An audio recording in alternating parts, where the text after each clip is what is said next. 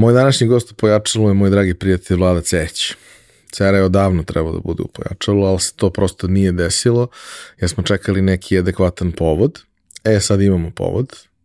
Cera je ponovo preduzetnik i ponovo na tržištu kao konsultant, a on je jedan od zaista veoma malog broja ljudi koje uvek mogu da preporučim svakome i sa kojima sam uradio jako mnogo zaista vanredno dobrih projekata. Cer je osoba koja je 20 godina gradila karijeru od IT novinara u ono vreme kada je to zaista nešto značilo preko jednog od prvih ljudi koji su se bavili PR-om u IT-u jer je bio deo PR tima Microsofta tek kada su došli ovde, pa kroz niz nekih drugih vrlo zanimljivih multimedijalnih projekata od startupa preko korporacija do raznih e, stranih klijenata sa kojima je u prethodnim godinama radio. Svo to znanje sakupio je i formirao svoju malu konsultantsku agenciju a, i odlučio sam da podelimo njegov put, način razmišljanja, jer mislim da u ovom trenutku mnogima od vas može da bude interesantan i kao inspiracije, a možda može da bude interesantan i kao potencijalni saradnik. U svakom slučaju, uživat ćete u razgovoru dva matora namćara. Realizaciju ove epizode pojačala podržala je kompanija Epson. Epson je već više od 20 godina vodeći svetski proizvođač projektora i štampača za sve namene od onih kućnih do profesionalnih. Posebno vam skrećemo pažnju na aktualnu ponudu Epson Business štampača. Naime, ukoliko je došlo vreme da kupujete štampače za vaše poslovne potrebe ili da zanovite trenutnu flotu štampača koju imate, obavezno istražite koja to sve rešenja Epson nudi, jer pored zaista sjajnih štampača koji vam nude besprekoran kvalitet otiska, mnogo manju potrošnju električne energije, mnogo manje otpada generisanog u procesu, uz Epson rešenje uvek dobijete i celu paletu softvera koja se kod drugih proizvođača doplaćuje, a ovde dolazi besplatno za sve njihove korisnike. Za više informacija pogledajte businessprint.com, piše se onako kako se izgovara. Hvala vam. I imam još jednu važnu već za vas. Naime, od 1. maja sa krugom prijatelja radim na projektu naša mreža.rs. To je jedno jako zanimljivo mesto za svakog ko je preduzetnik ili razmišlja da to postane. Mesto gde svaki dan izlaze neki interesantni i korisni tekstovi, a jednom nedeljno predstavljamo neki zanimljiv mali biznis. Takođe, svakog meseca radimo veliki intervju sa nekim od zanimljivih ljudi sa, sa ovog tržišta, nekim od ljudi koji su lideri u, u onome što rade, pa tako, evo, prvog meseca imamo Slavimira Stojanovića Futra. Uživajte, informišite se i pretplatite se na mailing listu ako su vam teme zanimljive, jer onda će vam svake nedelje stizati digest svega toga svakog ponedeljka na mail. Hvala vam. Za slučaj da želite da nas podržite vi individualno, uh, možete da posetite link u opisu podcasta na platformi Buy Me A Coffee i tu možete kupiti mesečnu pretplatu ili jednokratno donirati neki jednost koji želite. Hvala vam unapred na tom.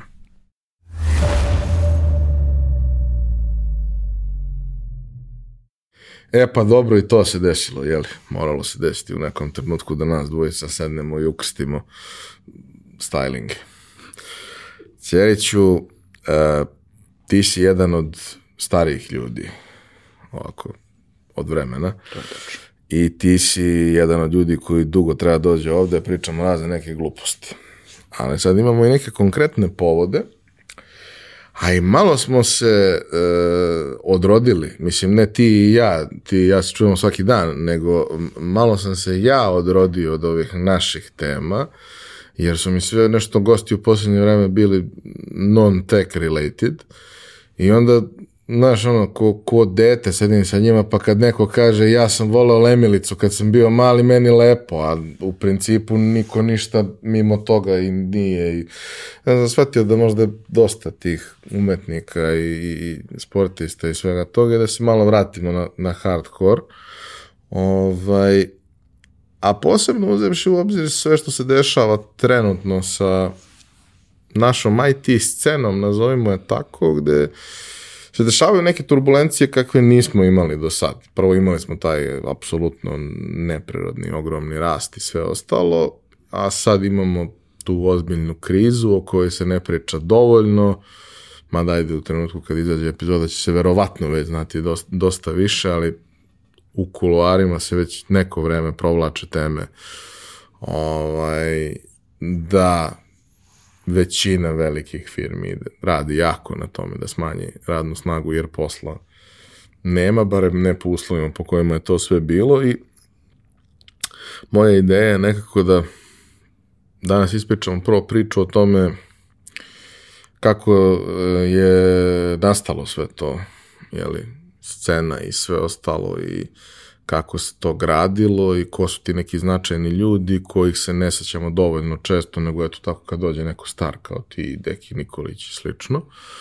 Ovaj, ali e, i da malo pričamo o svemu tome što se zapravo dešava zbog proste činjenice da taj outsourcing model u kome smo dominantno jeste model koji je lak način za zaradu novca i relativno jednostavan za uspostaviti, skalirati i sve ostalo, ali ima ovaj problem kad sve relativno brzo ode do džavola, a ti si čovek koji se na vreme i na pravi način orijentisao na produkt, radio produkt u najrazličitijim sistemima i okolnostima, zna mnogo o tome i može mnogo da pomogne onima koji žele da to svoje znanje koje imaju da inženjerski nešto naprave, uobliče u produkta, pre svega onda nauče kako da iskomuniciraju to ka nekome, zato što smo shvatili vremenom svi, ovaj, pričajući sa ljudima, da mi imamo ljude koji su u stanju da naprave fantastične stvari koje nikome ne trebaju jer oni ne umiju da objasne šta te stvari rade, ali su jako ponosni na to što su napravili. Svakako. E, sad posle tog uvoda i svega toga, kako to obično biva, počet ćemo od mančmelovog pitanja. Šta si, Vladimir Ceriću, te budeš kad porasteš? Um, ovako, na užas mojih roditelja, moj standardni odgovor kad sam bio dosta mali, recimo 4, 5, 6 godina, na pitanje šta hoćeš da budeš kad porasteš, nije bio ni inženjer, ni lekar, ni astronaut, već automehaničar. I sad, in retrospective, to ima dosta smisla zato što automehaničari, osim toga što rade u uslovima u kojima rade i bave se time čime se bave, oni se bave zapravo nečim što ja jako volim, a to je rešavanje zagonetki. Jer kad ti dođe čovek i kaže majstore ovde nešto nije u redu, ili kao što imamo na Instagramu te famozne klipove customer states da postoji problem, a ti onda vidiš da fali točak, to je lako diagnostikovati, ali ako sve izgleda kao što bi trebalo, a opet nešto nije u redu, to zahteva pod A analitičke sposobnosti i pod B iskustvo, koje ni jedna ni druga stvar se ne mogu kupiti i vrlo se teško uče u tradicionalnim obrazovnim ustanovama. E sad, naravno, kad sam porastao i shvatio da možda ipak bi bilo poželjno da radim neki posao koji ne podrazumeva cimanje teških tereta i masne ruke 24-7, onda sam se više preorijentisao ka inače i primarnom razlogu zašto je to mene bilo interesantno, to je ljubav prema automobilima i automobilskoj tehnici. I tako sam završio na saobraćenom fakultetu.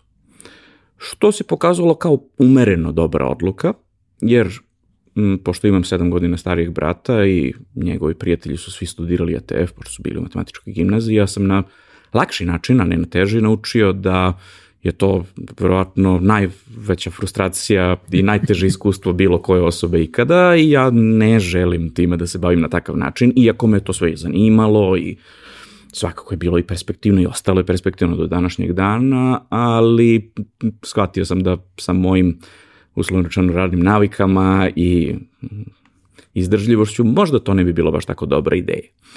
I počeo sam saobraćajni fakultet dosta ambiciozno, odsek za drumski i gradski saobraćaj, to je sve na papiru vrlo interesantno, u, te, u praksi imaš ispite koje ne možeš da položiš, imaš ispite koje niko nikad nije položio, odnosno imaš ne znam, 30% studenta svi, of all times koji nikad nisu položili te neke ispite, ja jesam, ali dobro.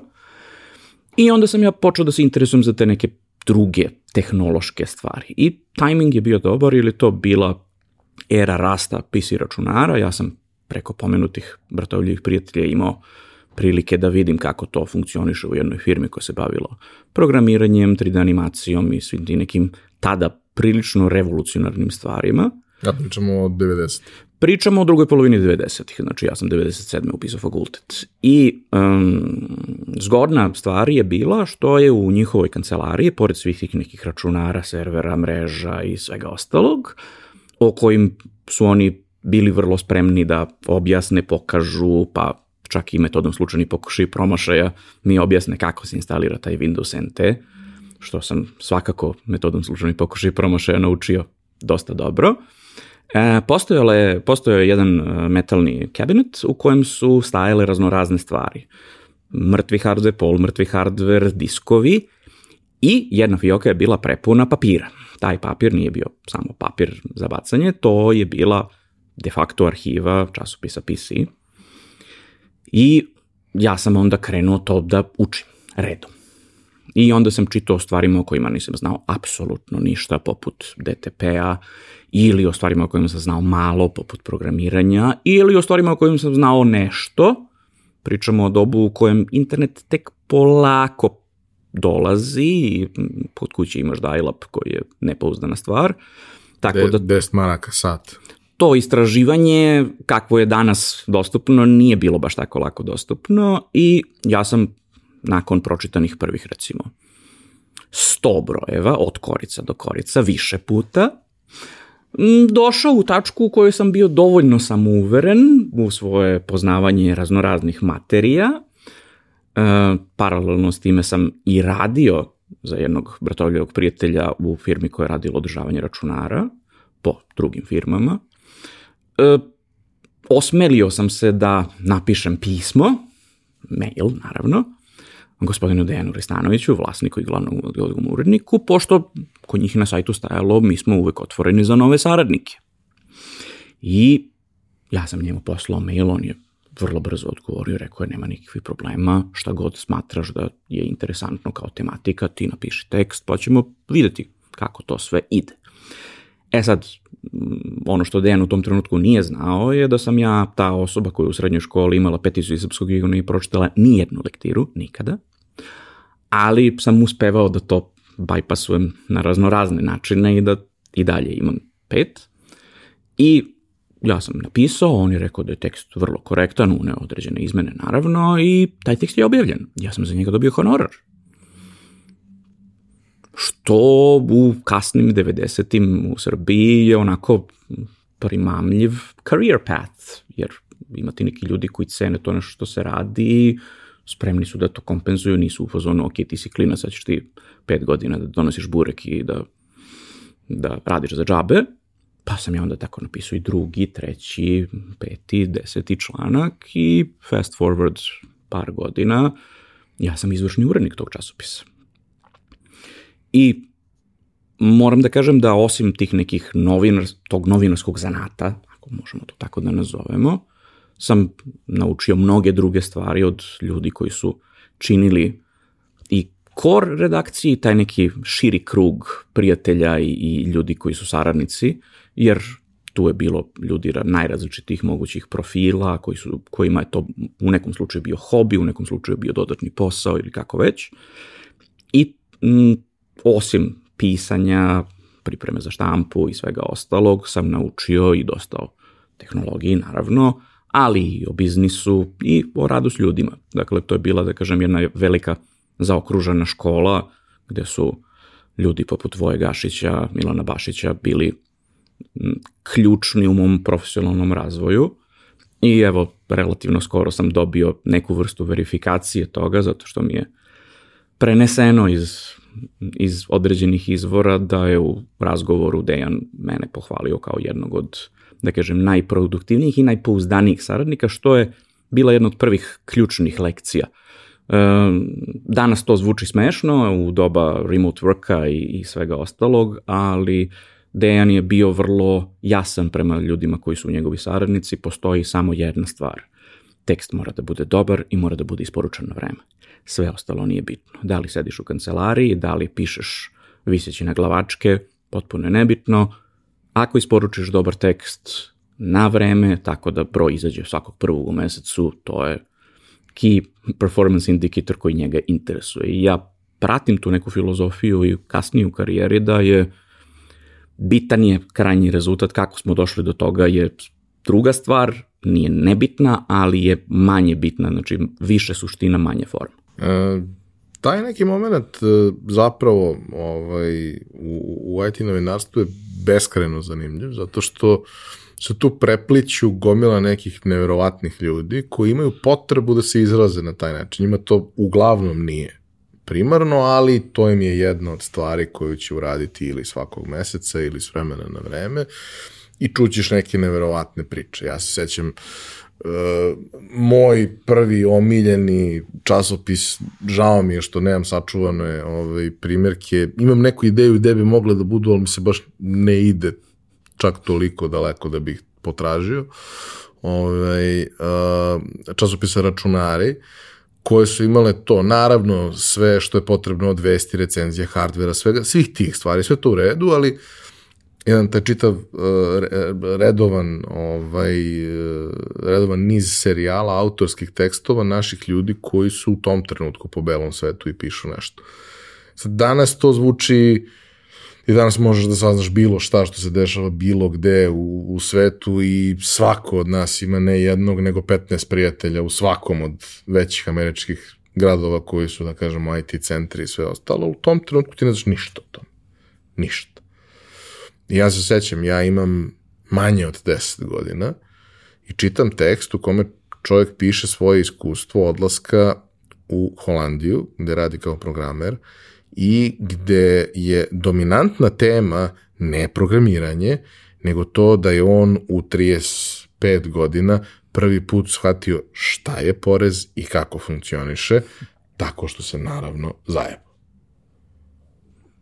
I ti sad sve to, naravno, čovjek je inženjer, briljantno je objasnio post festum gde su bile sve greške i šta treba uzeti u obzir i sve ostalo, ali to znači da u tom trenutku ja, ok, u tom trenutku kod nas ne postoji ni PDV, ni bilo šta, pričamo o 95.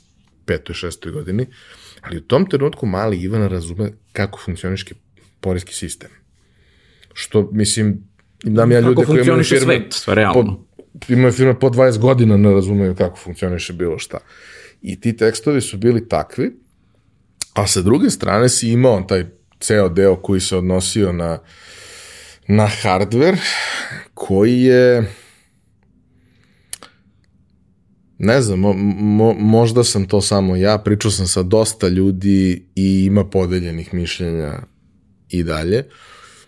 Postoji sad već značajan broj nas koji više jednostavno ne znamo, niti nas zanima šta je unutra. Mislim, konkretno kod nas jabučara je to dosta jednostavno, odeš i kupiš ono što je najskuplje i ideš dalje. Uh, Ovaj, otprilike znaš šta je unutra, ali suštinski ti je nebitno i koja je grafika i šta se dešava. Ali u tom trenutku ja sam znao sve o svakoj ploči, svakog proizvođača, znao sam da prepoznam fizički komponente, Svaka. što potpuno, znaš, kao zvuči neverovatno, jer nema YouTube-a.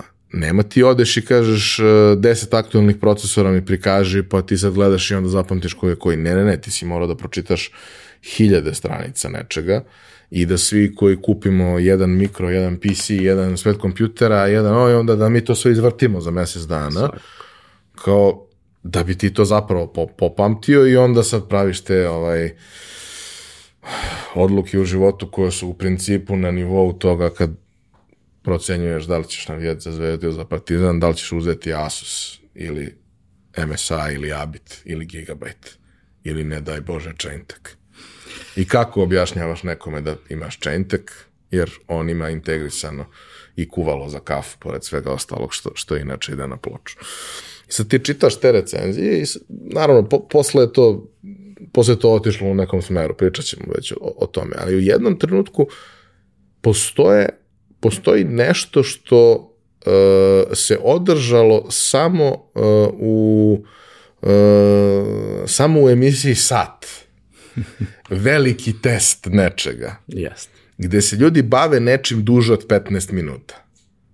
Gde se ljudi bave nečim kao, ok, test grafičkih kartica, da, pustit ćemo render od 7 dana na pet različitih grafičke kartica i onda ćemo da vidimo kako to zapravo izgleda i mislim koje su zapravo performanse i sve ostalo i sve neke druge stvari. Merit ćemo hiljadu jedan parametar, praktično ono, napravit ćemo improvizovanu laboratoriju da bismo to sve uradili. I to je potpuno neverovatno i zvuči nemoguće i nezamislivo i ali to je preduslov zašto su se sve ove stvari desile. E sad, ti si u tom trenutku dete u prodavnici slatkiša. Od prilike. Aj malo pričaj nam o tome.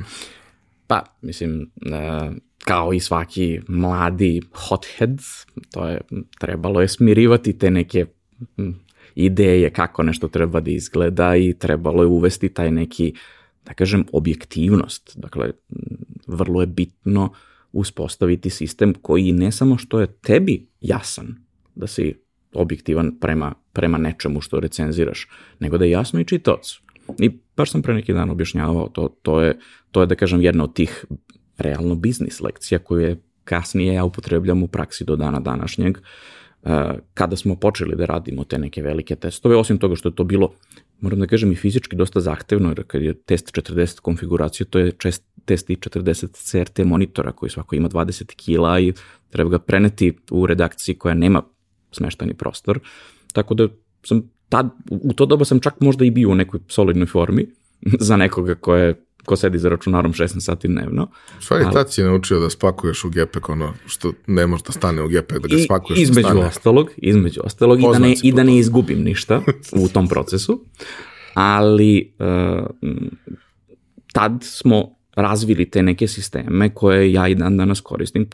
Dakle, to je, da kažem, nasledđe Milana Bašića, koji je u tom trenutku uh, već dugogodišnji tehnički direktor prvog privatnog magazina u staroj Jugoslaviji, odnosno tadašnjoj Jugoslaviji, automagazina, i on prenosi neka svoje operativne iskustva čoveka koji upravlja firmom koja je tada imala XY zaposlenih i tako dalje, koji se bavi srodnim poslom, ali i on je u tom trenutku urednik vesti u PC-u, jer je Dejanov prijatelj iz detinstva. I kada sam se ja požalio da nisam baš 100% siguran kako da uobličim taj test 40 konfiguracije, jer u principu imam konačni prostor, ne mogu sada ja, to nije internet, ne mogu ja sada beskonačno da pišem o tome, i u konačnom vremenskom periodu na kraju, e, onda smo seli i osmislili sistem koji kombinuje objektivne karakteristike tog hardvera, dakle, rezultate testova koji su nešto što je jasno, i neke subjektivne karakteristike u smislu utiske. Utiske, ali na osnovu relevantnog iskustva. Dakle, kad vi, ljudi koji poznaju problematiku, kada vide kućište, njima je jasno da li je to kućište dobro ili nije. Prosječnom korisniku to je to izmiča, ali ljudima koji, kroz čije su ruke prošli hiljade uređaja, je to apsolutno jasno i mene i dan danas kad pitaju zašto ja toliko znam o laptopovima, zato što je kroz moje ruke realno prošlo preko 300 različitih modela tokom godina. I ja kad uzmem laptop u ruke, ja mogu odmah da kažem koliko dugo će onda traje, kako će, kakve će imati performanse. Nisam vidovit, ali iz akumuliranog iskustva se tako nešto može, može izvesti. I onda smo osmislili, da kažem, sistem bodovanja koji kombinuje te dve stvari koje naoko nisu nešto što može da se kombinuje. Ti kombinuješ objektivno i subjektivno da bi dobio neki krajnji rezultat koji je u rangu od 0 do 100 ili od 1 do 5 ili kako god. E, osim toga što je nama to bilo lakše, to je bilo dosta značajno i za ljude koji čitaju, zato što su to sve isto ljudi sličnog ranga u tom trenutku, taj časopis čitaju IT profesionalci, jasno im je kad nešto piše od 1 do 5 šta to tačno znači, jasna im je geneza kako smo mi došli do tog 1 do 5, a s druge strane, iz vrlo praktičnog razloga, i to je onaj, da kažem, i biznis deo, partneri koji su poslali konfiguracije nemaju osnov za žalbu. Dakle, nije to sad da smo mi with the rule of thumb odredili šta nam se sviđa, šta nam se ne sviđa, nego smo napravili naučni sistem koji pokazuje koja je od tih 40 konfiguracija najbolja ili u nekom konkretnom aspektu ili u overall aspektu ili kako god. I m, taj drill, taj trening mi je omogućio da 15 godina kasnije u firmi u kojoj sam radio, pomažem uh, ljudima koji su solutions konsultanti za marketing analytics rešenje da osmišljavaju nove KPI-eve za klijente poput Vodafona, Nestlea i tome slično. Dakle, nisam ja sad najpametniji čovek na svetu, ali sam uspeo da upotrebim to neko svoje znanje matematike i poznavanje, da kažemo, realnog života, da napravim nešto što ne postoji, a što de facto ima smisla i dobijao sam feedback od ljudi ko nama to nikad ne bi palo na pamet, ali ima savršeno smisla i savršeno nam funkcioniš. Je, mnogi ljudi koji ovo slušaju se toga neće sećati, bez obzira na to što realno populacija koja sluša pojačalo nije mlada. To su, mislim, jeste mlada, ali to su ljudi koji su otprilike između tvojih mojih godina eventualno malo niže, nema baš previše onih koji su iz tamo 95. 6. 7. 8. Oni to ovaj, očigledno ovaj, im nije toliko interesantno, ali neće se sećati toga da ti sad kad kažeš test 40 konfiguracija koje su poslali partneri, da si ti imao situaciju da tada uh, prvo u uh, novostima oglasima, a onda u halo oglasima, kada dođeš na taj deo, ti imaš firme, kao što danas imaš firme koje su prodavci hardvera, ali oni imaju svoje preporučene konfiguracije, jer ti u tom trenutku, osim u redkim slučajevima, nemaš da kupiš brand name mašine ovde, sve su žute mašine, imaš to što imaš i to se kombinuje i neko tamo je rekao ovo je varijanta najeftinija, srednja, veća, gaming, ovakva, onako, ali ti suštinski imaš predefinisane konfiguracije. Mm -hmm. Koje onda možeš malo da povećaš memoriju, uzmeš veći hard disk, ne uzmeš CD čitač, nego pisač, pa može bude i nešto ozbiljnije i tako dalje. Ali, da kažem, postojao je postojala je svest o tome da je tržište takvo da za bilo koju vrstu masovnije prodaje ti moraš da ponudiš čoveku gotovu stvar. Mm -hmm.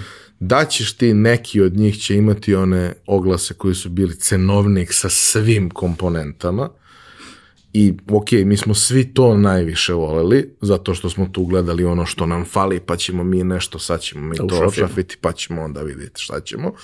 Ali u suštini, firme koje su bile najuspešnije su bile najuspešnije upravo zato što su sele i napravile paket koji je prosečnom konzumentu bio dovoljno dobar. Da li je to osoba koja je generacija negde oko naših roditelja koji u tom trenutku shvata da to mora da ima za posao ili je to neko ko gleda možda za dete ili za studenta da nabavi nešto, ali ti si to bukvalno imao, imao si konfiguraciju koja se zvala student i ona je imala karakteristike koje su takve i uz nju je išao, išla ponuda monitora, ona je osnovni preporučen i se kupao u 90% slučajeva.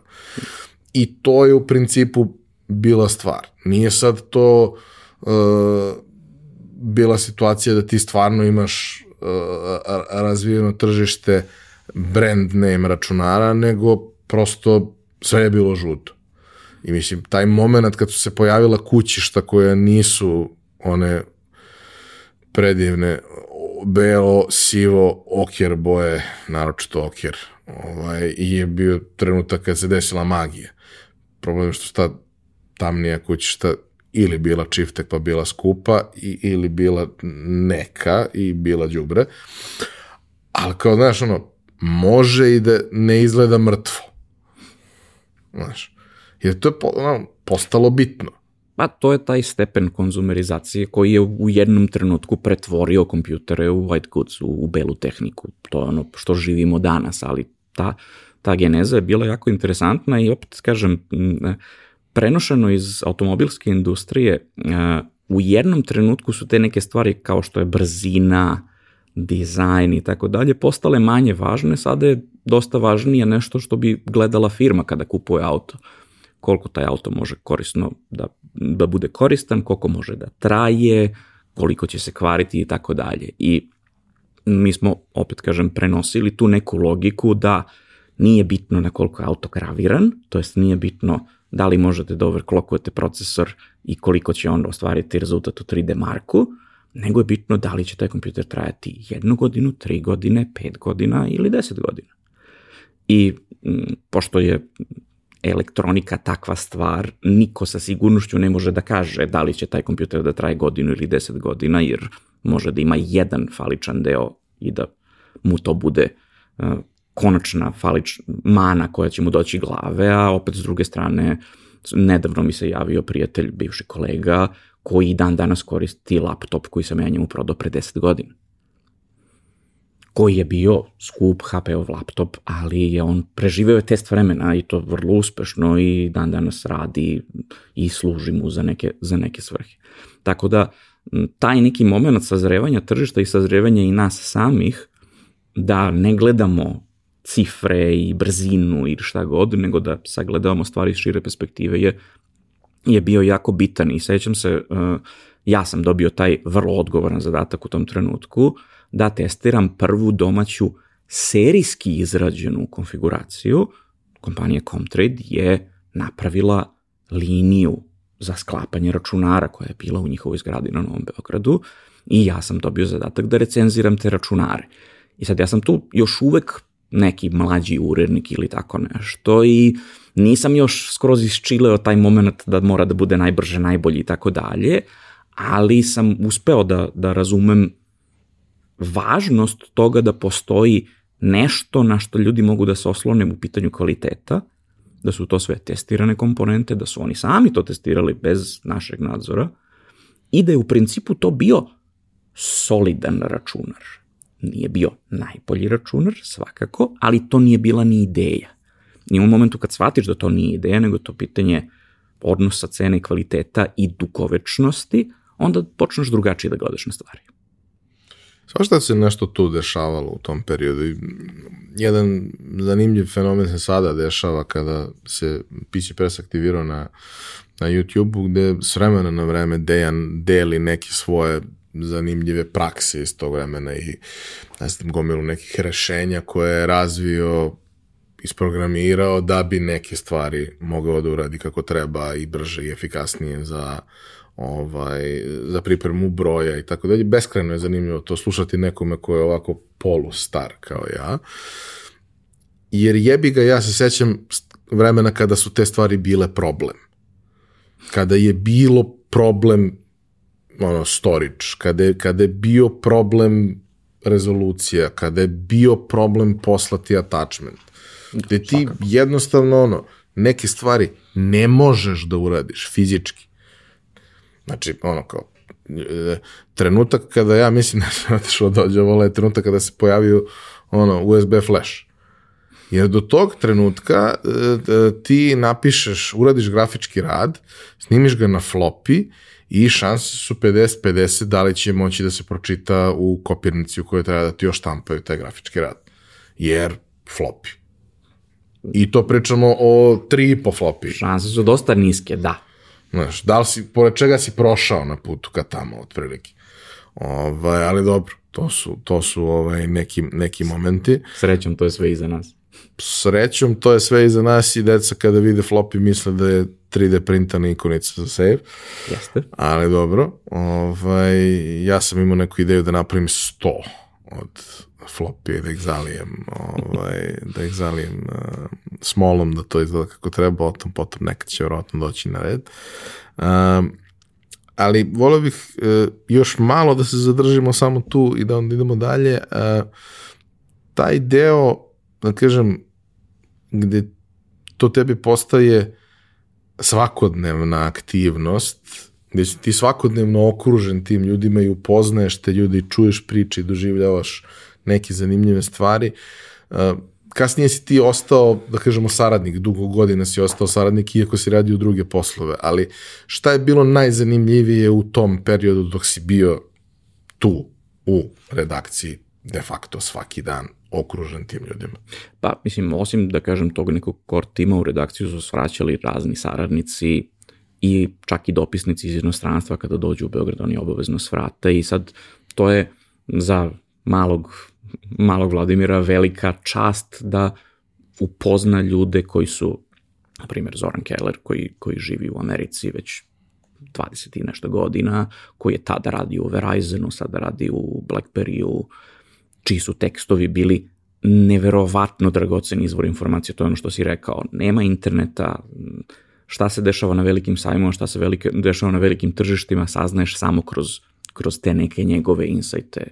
Berislav Todorović koji živi u Holandiji, koji je tada radio za KPN Quest, najvećeg evropskog internet provajdera, koji ono, držao je mrežne tehnologije u malom prstu i onda plus još sad ti neki, da kažem, kreativni ljudi poput Voja Antonića koji je Dejanov prijatelj, dugogodišnji, od kojih onako kao, kao kad si mali pa imaš te neke stare ljude, ono dede i babe koji onda dođu i ispričaju ti neke priče i ti si sav srećan zato što si u njihovom prisustvu, zato što su te priče potpuno neverovatne i kako ti ljudi rešavaju od svakodnevnih problema do nekih, da kažem, metafizičkih, Voj Antoni se x puta bavio uh, razotkrivanjem šarlatana, fenomena i tako dalje, tako da mislim, ti, većina tih ljudi jesu gikovi, jesu tehničari, ali imaju neke potpuno off, neverovatne interesovanja u kojima naravno znaju apsolutno sve što može o tome da se zna i onda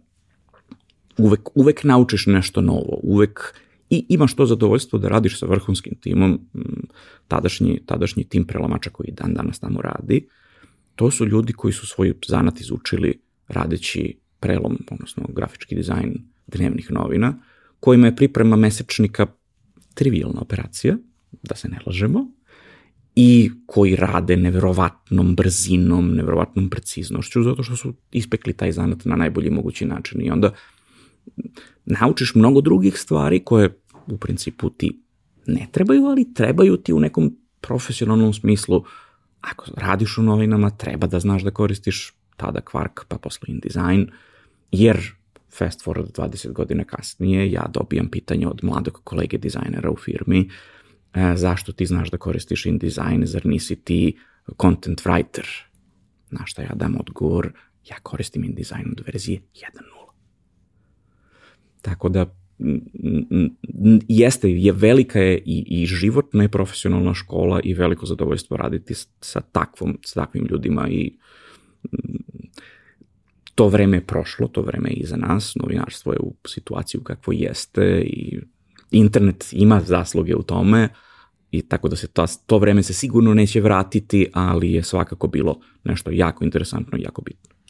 Ja mislim da je jedan bitan deo toga, da se desile možda dve neke stvari koje su, da kažemo, noseće na neki način. Prvo, kažemo, ta priča sa uh, hardverom, uvoznicima hardvera kod nas i svega toga, to je ta priča se prilično centralizovala i postala u nekom smislu dosadna, s jedne strane.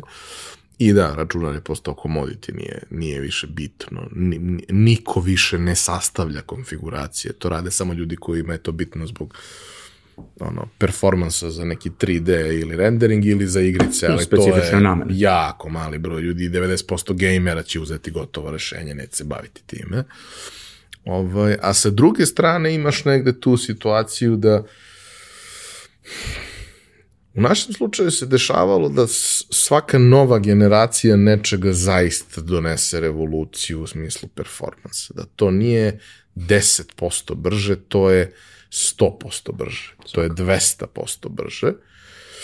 Dok sada se stvari dešavaju da mnogo nekim manjim inkrementima, prvo u osnovi na bazičnom nivou performans je otišao do đavola i ti na bilo čemu trenutno možeš da vrtiš šta god ti treba ako znaš to da koristiš. Telefon. Ovaj, tako da je to postalo manje bitno i onda samim tim inovacije se svode u stvari na nekakav, ok, ono, inkrementalno unapređenje koje će biti 5% ovde, 10% ovde, ajde nek baterija drži pola sata duže, ajde nek bude milimetar i po tanje i tako dalje, što onda suštinski te dovodi u situaciju da pogledaš računar iz 2012. laptop iz 2012. laptop iz 2023. i kažeš ovde nema nikakve razlike između njih s polja. No, nikakve ključne razlike. Nema nikakve razlike kad pogledaš ekrane. Nema nikakve razlike dok ne pustiš sad neki render.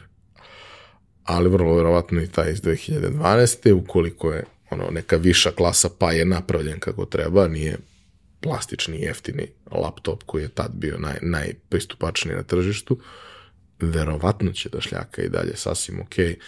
Basic operations, office work i slično. E sad, kako mladi Cerić do, dolazi u situaciju da uh, ne bude full time novinar, nego kreće u ostale svoje uh, avanture?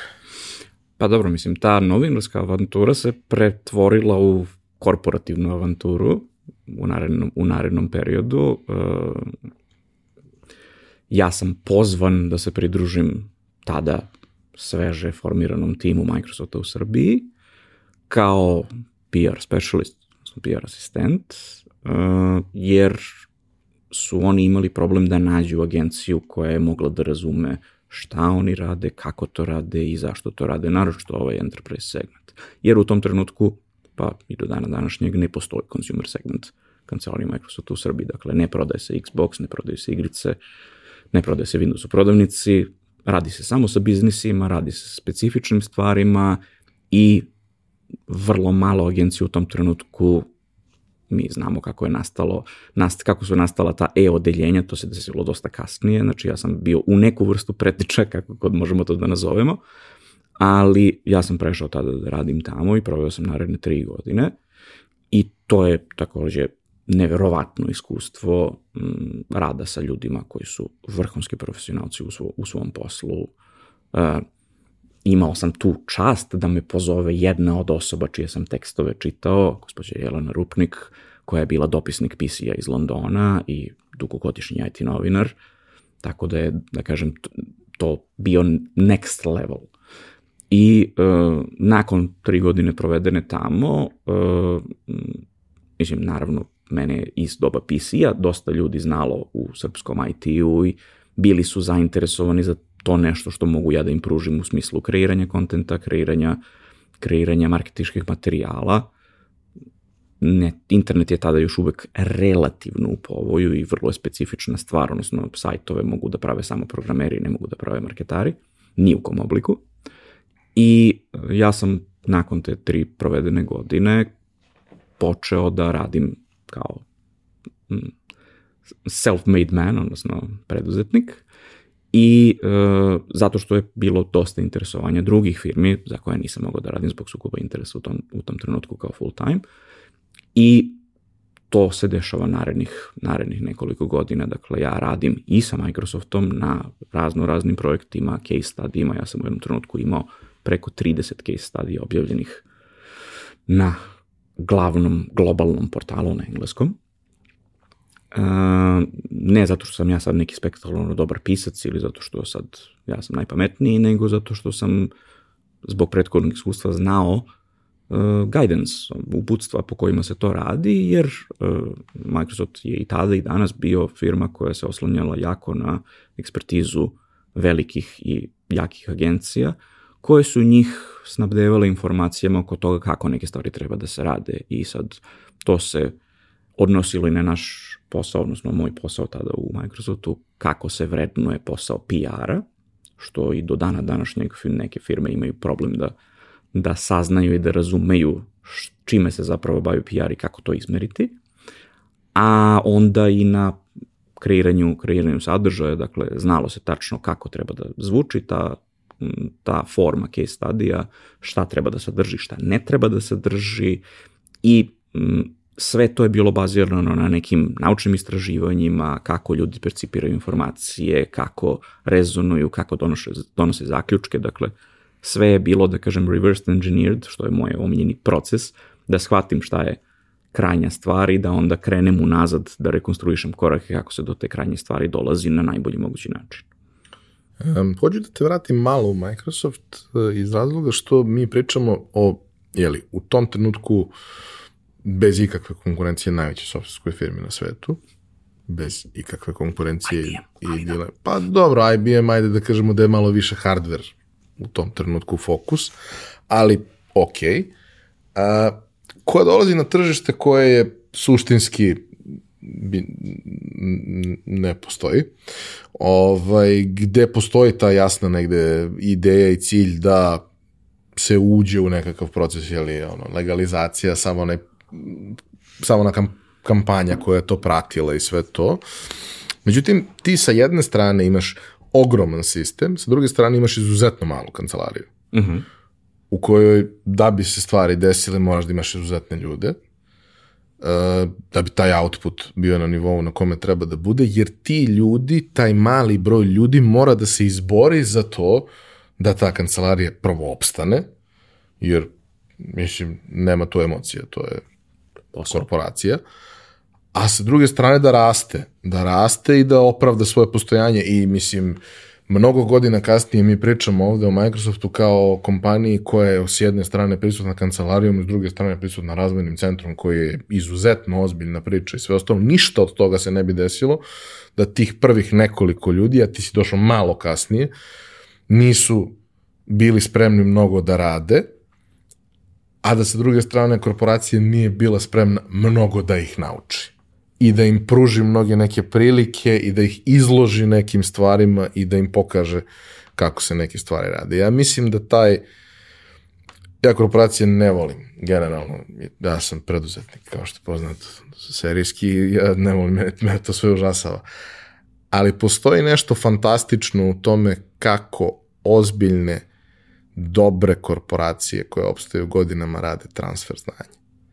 I to je nešto što većini manjih firmi nikad neće nikad neće to moći da urade na tom nivou i da samim tim imaju te rezultate. Pa bih volao malo da se dotakneš više, više toga, jer to su ipak tri godine u kojima si ti postao od novinara, talentovanog novinara, značajnog novinara, ozbiljan profesionalac. Uh, vratit ću se na onaj moment sa čitanjem PC Pressa. Ja sam tu formirao neku vrstu metodologije, ako to uopšte sme se nazove metodologijom, mislim, to je samo ingestion of information, a, koju sam onda primenio i u tom slučaju, zato što uh, i tada i danas Microsoft ima nešto što se zove CorpNet, što je paralelni internet, ali bukvalno paralelni internet, znači ja ne preuveličavam. Uh, yes količina informacija koja se nalazi tamo, to jedna osoba za života ne može da savlada, a to je bilo pre skoro 20 godina.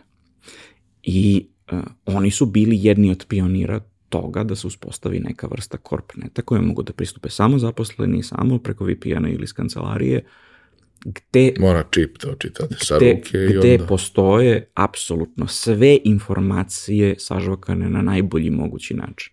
Mislim, ja sam to imao prilike da vidim kao outsider, kao neko s polja, e, kad su me slali na uh, novinarska putovanja. Znači, ja sam pre nego što sam počeo da radim u Microsoftu, Jelena me posla, kao tačni PR menadžer, me poslala na press tour u razvojni centar u Kopenhagenu, u kojem su se razvijala poslovna rešenja kasnije će taj centar postati mnogo poznatiji zato što su u njemu radili osnivači Nordeusa pre nego što su se vratili u Srbiju. Zato što su iz njega pobegli. Zato što su iz njega pobegli, zato što su pravili verovatno najdosadniji mogući software na svetu, poznat kao Navision, odnosno Microsoft je kupio dansku firmu koja se zvala Navision, Mislim, taj software danas zarađuje milijarde i razgranao se na potpuno neverovatne načine, ali u tom trenutku je to bilo prilično ridiculous, moram da kažem iz perspektive nekih drugih mainframe sistema IBM-ovih i Oracle-ovih.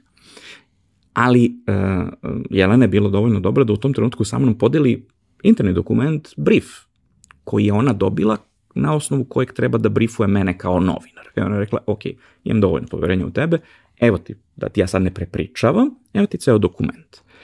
Mm, to je radila agencija koja se zvala i zove se i danas Wagner Redstrom, koja je bila Microsoftova globalna agencija I tu se vidi neverovatan rad neverovatnih ljudi. Nivo detalja, nivo količina informacije u krajnjoj liniji, a to je samo jedan briefing dokument.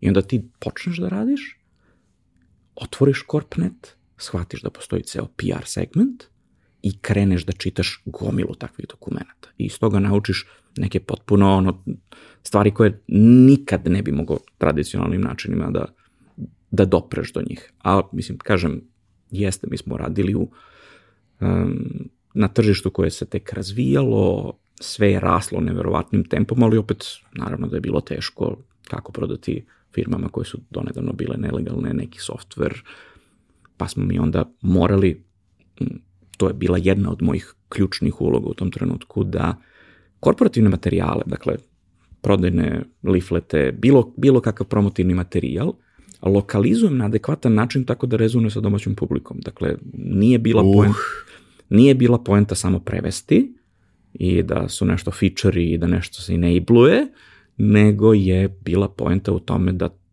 kad direktor male ili srednje ili velike firme kod nas pročita taj leaflet za SharePoint ili šta god, da kaže, hm, pa ovo nije tako loše, možda bismo mogli da investiramo u to jer će nam doneti XY nečega. Da, možda dakle, smo mogli da porazgovaramo sa nekom u tom.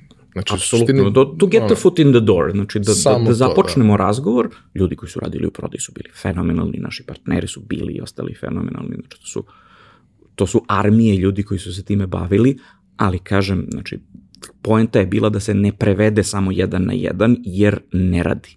I to su na teži način naučili, to je bio jedan od razloga zašto sam ja, zašto sam ja radio tamo taj, taj posao između ostalog. Drugi tim je bio recimo zadužen za lokalizaciju Windowsa, to je bio potpuno odvojen projekat koji nije imao veze sa kancelarijom, radio direktno sa Redmondom, ali sve ove marketinške stvari, pošto sam ja bio formalno deo marketinškog odeljenja, odnosno Business and Marketing Operations, je bio i taj moment da unesemo, da kažem, zdrav razum i neki smisao, stvar neke stvari koje možda nisu. Danas zbog tog marketing i corpus speech-a, većina korporativnih materijala koji dolazi su potpuno besmisleni i beskorisni. Tada nisu bili. Tada ti ljudi koji su to pisali su bili moji pandani samo u centrali u Redmondu, koji su ili bivši novinari ili marketari sa jako puno iskustva i tačno se videlo da su ulagali ozbiljan, ozbiljan napor da to bude dobro. Znaš šta, ja mislim, još par stvari da tu postoje. Ok, jedna od stvari je, imaš ti Corpnet, to je super je to. Ovaj, ali neko mora da tu redovno kontributuje. Što znači da to mora da ti bude deo posla. Što znači da to mora da bude deo svesti toga da ok, ti ćeš uraditi možda nešto nekad je nešto, uradit ćeš ga na, na budalu napre, ali onda ćeš da ga preneseš, strukturiraš, ubaciš da je treba da bi nadalje neko to mogao da radi kako valja. A sa druge strane, ja ću sada da kažem nešto što, što je užasno banalno i glupo, ali ja mislim da je jako važno. A to je što u tom trenutku ti materijali, e, prvo, svi ti materijali su izgledali kao milion dolara, zato što su dolazili, što se kaže, na mastom papiru. Znači, neko je to morao da oštampa. I to je trebalo da bude zanimljivo dovoljno da ti privuče pažnju, da kada ga dobiješ ili kada ga zatekneš negde, da ga otvoriš, da ga prelistaš, da se pozabaviš njime, to nešto košta. I samim tim što to nešto košta, a to nešto nije beznačajno, malo ćeš više da uložiš truda nego ako je to samo digitalna stvar koja te suštinski ne košta ništa, klikneš send i milion ljudi dobije ono, informaciju sa slovnom greškom. Ne, ovde će pregledati neko još jednom jer će o toj slovnoj grešci ljudi da pričaju i podsmevaće vas. I postoji ozbiljan sistem kako se svaka od tih stvari radi. Um, dobro. Um, tvoja odluka da prestaneš da budeš full time član kancelarije i da pređeš u, u, u to nešto da ćeš raditi raznovrsnije stvari, ali ćeš raditi i ovo naravno. Ovaj, e, dešava se u trenutku u kome to prilično nezamislivo. Znači, tako nešto ne postoji. Nema freelancera koji se bave time, odnosno ima, oni su IT novinari negde, pa povremeno uskoče nešto. Ali nema niko kome je to karijerno opredeljenje. Manje više. Faktički. Ovaj, kako izgleda sad, ok, ti si već gradio neko ime, bio si i dalje aktivan kao IT novinar sve vreme, sve to ok, mi smo se tada ono sretali po skupovima i slično, znači to je prosto bilo ono negde, negde vreme gde sve to izgledalo mnogo drugačije nego danas. Mislim, je, mi se stalno šalimo na račun toga ono, šta je bio Pakom Road Show, to ljudi ne mogu da zamisle danas da postoji. Recimo. A bio je samo jedna od stvari koje su se dešavale u toku godine, jer hardware je nudio neverovatan potencijal i neverovatne budžete koje možeš da povučeš za tu vrstu aktivnosti, jer će se isplatiti. Da. Ovaj, e, kako je tekla ta freelance karijera, odnosno uh, kako se račvala, kako su dolazili poslovi, šta su bile zanimljive stvari koje si radio, šta su bile zanimljive stvari koje si novinarski radio tada, koje su bile na neki način ispred svog vremena i svakako ispred tržišta koje je, kao što smo konstatovali, bilo a i danas je daleko ispod nečega što, što je uporedivo sa najvišim. Pa dobro, mislim, to, to jeste bio neki pik tržišta. Ja se sećam godinu dana pre nego što sam napustio kancelariju Microsofta, mi smo svi kao novogodišnji bonus dobili Xbox koji je na kraju završio kod tebe u kancelariji. Jeste, tu imam. Zašto ja nisam, zašto ja nisam gamer. Ovaj, ali um, to je bilo i zlatno, zaista zlatno doba IT-a, razvoja IT-a u Srbiji. Ne kažem da je sada loše, odnosno drugačije, nije loše. Um, poslovi su dolazili, ok, Srbija je mala sredina i Beograd je još manja, svi sve znaju i ako treba neko da lokalizuje nešto ili ako treba neko da napiše nešto, ima petorica nas u Beogradu koji smo to znali tako da uradimo i nije, nije bila to kako dolazi posao, nije, nije, nije neka posebna misterija. Ono što je bilo interesantno je što se to granalo u različitim smerovima. Znači, počeli, počeli su prvi e, znaci tog nekog, da kažem, korporativnog izdavaštva. Ja sam sa PC-em, ja sam bio u to doba urednik vesti u PC-u, dakle, zamenio sam mog bivšeg šefa i mentora Milana Bašića. Um, ja sam uređivao vesti i pisao uglavnom neke stvari koje više nisu hardware. Znači, tu se već vidi da neka ta tranzicija ka softveru, ka rešenjima, jer sam akumulirao dovoljno iskustva da ne moram sada da ubadam i izbadam grafičke kartice i čekam da se završi benchmark, nego mogu da napišem neki, neki tekst koji se tiče poslovnih rešenja i cela ta priča pivotirala ka, ka tome. Radio sam na nekim specijalnim izdanjima za, za softverske firme, čak i neke security firme i tako dalje.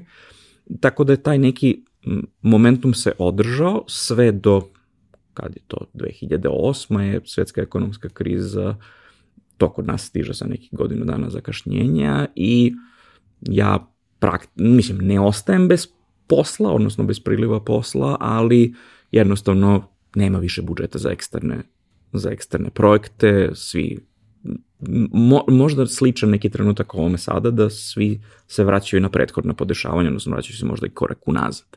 Ali to jeste bio zlatan period zato što se tada dosta para okretalo u nečemu što je bila relativno zatvorena zatvorena zajednica i tu smo pravili baš neke zanimljive zanimljive stvari, opet kažem sa fokusom na to da to bude nešto što je dobro, kvalitetno, jer u principu kad s druge strane imaš IT inženjere koji su po prirodi ljudi koji su analitični, skeptični, njima ne može da se prodaje bilo šta. Oni moraju da vide da je s druge strane osoba koja njih razume i razume njihov posao. I postoji taj, ta vrsta distance, postoji ta vrsta surevnjivosti prema marketarima, koju ja obično prevaziđem tako što kažem da sam ja diplomirani saobraćajni inženjer sa 20 godina iskustva u IT-u i znam da povezujem mreže i setujem servere, ali generalno oni vide, IT, um, vide marketing kao neku vrstu prevare, kao neku vrstu mimikrije. I uh, dok im se ne objasni na adekvatan način da to što su oni napravili ili što su osmislili jeste nešto što je super, ali mora da se prodaje na određeni način, jer ljudska psiha funkcioniše na određeni način. To je, da kažem, bio taj neki proces koji je tada otprilike počeo. Do tada su se stvari prodavale, da kažem, manje više same od sebe, znači i software i hardware su išli, ali u nekom trenutku sad to postaje problem i onda počinje taj, taj pokret toga da se pametno pristupa problemu kreiranja sadržaja koji služi za prodajne svrhe. Dakle, od nečega što je publicly facing kao što su sajtovi ili u krajnjoj liniji email marketing do nečega što su, što ti kažeš, odštampani leafleti ili bilo kakav drugi materijal i u krajnjoj liniji organizacije evenata, ali tad polako počinje taj, taj neki proces da stvari postaju teže, ali opet s druge strane i ljudi se emancipuju i napreduju ka tome da razumeju šta radi ona druga strana. Usložnjavaju se stvari. Ulaze u, u, u to i video i formati koji pre toga nisu bili prisutni. Mislim, mi smo imali u jednom periodu, ja ako se ne varam, šest ili sedam emisija koje su se na različite načine bavile računarima i gledali smo ih sve. Zato što su sve bile dobre. Neke su ostale u većem ili manjem obimu. Danas za većinu toga realno nema potrebe, zato što smo svi to već ispratili online, ali u tom trenutku to je zaista bilo ono, prozor u svet i ti neke stvari možeš tu da ispratiš koje na drugim mestima teško da bi, teško da bi mogao. Ali recimo ja se sećam vrlo vividno tih momenta gde um, izlaze ta specijalna izdanja koja su posvećena sad, da li Cebitu ili je kraj godine pa ćemo da pravimo neku varijantu koja je uh, mali vod, mala knjižica koja ono objašnjava pet osnovnih softvera za ono kućnu upotrebu računara. Ja i dan danas imam tu knjigu. Mislim da je PC izdao. A, davno. Možda i kraj 90-ih. Ali kao, znaš, ono, osnove Windowsa, osnove Worda, osnove Excela na po 10, 15, 20 strana, tako da možeš da daš roditelju, detetu, nekom i kažeš, evo ti, to je ono što ti treba da se osposobiš da si bazično pismen. Pa ti onda uzmi pa čitaj Bibliju ako ti treba ili ide na nešto dalje. Ali te stvari su bile fantastično napisane, fantastično prelomljene, uvek su izgledale dobro. Mislim, sada kada gledaš možeš da kažeš, ok, ovo je old school. Da, zato što je old. Pa, U tom trenutku nije bilo old school. Vizualno ga je pregazilo vreme, ali sadržajno nije. Ovaj, I često se desi da u jedna od polica kući gde i dalje stoje neke tako stvari, da ja uhvatim nešto od toga i oduševim se stvarima koje sam čitao. Jer recimo, znaš, šta ti je ono bilo vreme, mislim, toga, to, to baš pamtim. Da ti za novi softver, uglavnom neki shareware ili neki freeware, nešto tako, saznaješ tako što ti neko kaže, a šansa da ti neko kaže mala, realno saznaješ tako što pročitaš negde. Ti to pročitaš, pa onda ti to podeliš, pa se to raširi, pa onda završi na ono download portalima kod nas, evo nedavno smo na, naišli da download.drenik.net i dalje postoji Mislim, samo je live, nema, ne, ono, nema nije updateovano ništa, možeš da skineš ono Winamp iz 2007. sa njega i to je to. Super. Ali kao, znaš, to su bile neke neverovatne stvari koje su tad postale prvi put digitalizovane kroz sajtove. Ali pre toga, to je isključivo bilo u, u tom printu. I jednomesečno ti čekaš da vidiš malu igru koju ćeš da skineš, jer samo to možeš da skineš par megabajta nečega. Mm neki softver koji radi nešto interesantno, nešto zanimljivo i onda, ok, naravno, nešto, nešto kompleksnije od toga, neku, neki zanimljiv sajt sa, sa nekim zanimljivim sadržajima koje možeš da čitaš, a idealno da se nakačiš, skineš, skineš se sa interneta i onda čitaš, jer je internet skupa stvar u tom trenutku. Dobro, mislim, PC je imao od najranijih izdanja te dodatne knjižice koje su to, što ti kaže, osnove programiranja, osnove Excela, pa onda napredne lekcije Excela i tako dalje e, pa su onda počeli CD-ovi da dolaze uz, uz Tako je. kažem, znači to, iz današnje perspektive sve zvuči užasno anahrono i, i besmisleno, ali nama je bilo od zaista presudne važnosti. I moguće da smo zbog toga bili tako više vezani za to, nego što smo danas za internet, zato što internet je sve. Znaš šta, ja mislim da je tu prvo velika stvar sama količina svega koja je proizvedena. Količina svega koja je proizvedena po nekom standardu koji je visok. Jer je to ono što je nezamislivo.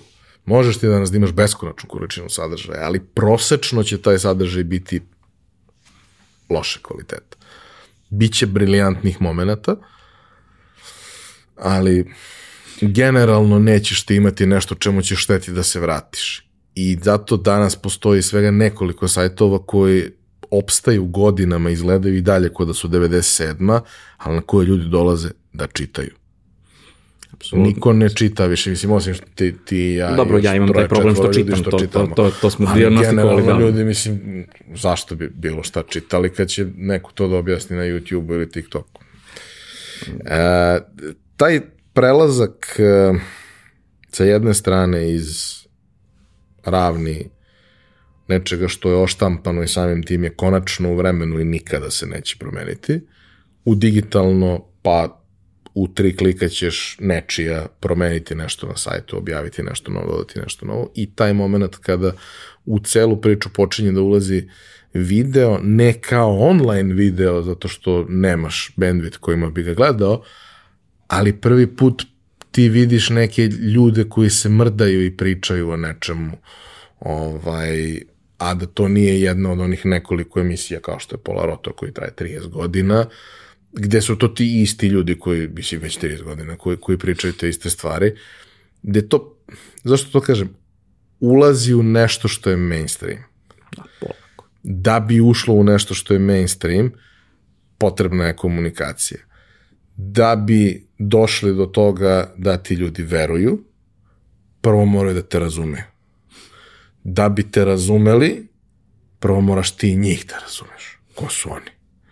I to je u suštini, mislim, kada pričamo i često puta kada me neko pita za savet, ono, ko bi mogao da uradi neku vrstu sadržaja, zavisi šta je, preporučit ću različite ljude, ali kada je potrebno sagledati tako nešto, a pričamo o tehnološkom proizvodu i ne nužno visoko tehnološki pismenoj publici, ja uvek tebe dam kao prvu preporuku iz razloga što ti umeš to da objasniš, što si ono bio na, ne na obe strane, nego na svim stranama. U suštini kad malo pogledamo ovako i život, ti si u suštini sam sebi neprijatelj, ali i da, prijatelj. Može i tako. Ovaj, I onda, uh, znaš, sve se to uči sistemom uh, pokušaja i pogreški, gde ti sad imaš AB testiranje i Analytics će ti kaže šta ima više smisla, šta ima manje smisla. Ali u tom trenutku će da ti kaže Dejan koji ima briljantan mozak i beskonačno iskustva ili voja ili neko od ljudi koji su tu u procesu i ti ćeš kroz to da učiš, ali ćeš morati i da kupiš neke signale usput. Kako je, kako je to izgledalo? Znaš, kako je to izgledalo lagano šireći i komplikujući medija mix u kome se sve dešava? Pa, mislim, pre svega, dok sam radio u PC-u, ja sam vrlo rano usvojio tu metodologiju, ok, e, čita, odnosno slušalci i gledalci moraju da razumeju, svaki tekst i dan danas prolazi kroz Dejanove ruke. Znači, nikad se nije objavilo ništa što nije u nekoj fazi, a ima više faza, prošlo kroz njegove ruke, da je on rekao da je to ok. I sad, od inicijalne verzije koju ja napišem do verzije koja je osvane odštampana na papiru, prolaze do, dolazi do određenih promena. Ja sam rutinski čitao sobstvene tekstove da vidim šta je Dejan izmenio, da bih ispravio sobstvene greške i da bih se prilagodio tom nekom sistemu, jer naravno imam poverenja u njega jer je njegov, njegov standard jako visok, da je to to. Istu metodologiju sam primenio kad sam počeo da radim za tadašnju ITTV produkciju, današnju agenciju Tag Media sa Laletom Markovićem, gde je potpuno drugačija priča u pitanju. Dakle, on je došao do mene na preporuku zato što mu je trebao neko ko treba da napiše voice over, odnosno off, za prikaz matične ploče. Televizija je potpuno drugačiji medij. Ljudi koji gledaju te tehnološke emisije u tom trenutku na RTS-u, Studiju B ili gde god se ta emisija emitovala, drugačije primaju tu informaciju.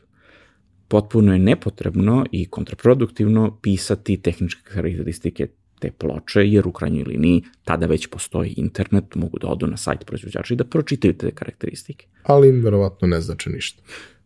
I verovatno ih neće ni razumeti. I ja sam pokušavao da u tih 60 sekundi, 70 sekundi uklopim neku korisnu informaciju na osnovu feedbacka koji sam dobio od Laleta kao čoveka koji ima 20 godina televizijskog iskustva i danas je doktor televizijske produkcije, kao doktor nauka, uh, da on kaže, ok, ovo nije razumljivo, ili ovo bi možda moglo da bude jasnije, ili ova rečenica mora da bude kraća. Ja sam u prvo vreme čitao naglase sobstvene tekstove, da bih čuo kako to zvuči na TV-u, jer na papiru, to je jedna stvar, kad se izgovori, kad shvatiš da on ne može da dođe do kraja rečenice zašto je predugačka, ti počneš to da koriguješ. I ja sam napisao nekih 150 emisija. Kasnije sam ja radio s njima na razno raznim drugim projektima i za Microsoft i za razno razne druge firme, case study, korporativni filmovi i tako dalje, ali tako sam, tako sam počeo. Tako da taj neki samokorektivni mehanizam je presudna stvar, naravno, uvek postoji i taj neki mentoring moment tih ljudi da kad ih pitaš oni će da ti kažu, ali oni su obično, obično jako zauzeti i ako ih ne pitaš, oni možda neće smatrati za shodno da ti kažu osim ako ne napraviš neku glupost, ali mislim tada je već kasno. Tako da čovek mora da pogleda prvo prema sebi i da kaže ok, da li je to što sam uradio at the top of my game ili možda sad još tu ima nekog prostora da naučim još nešto, da uradim još nešto, da saznam još nešto, da bih bolje radio taj svoj posao. I mislim, ja se tog pravila pridržavam već ovih nekih 25 godina kako radim.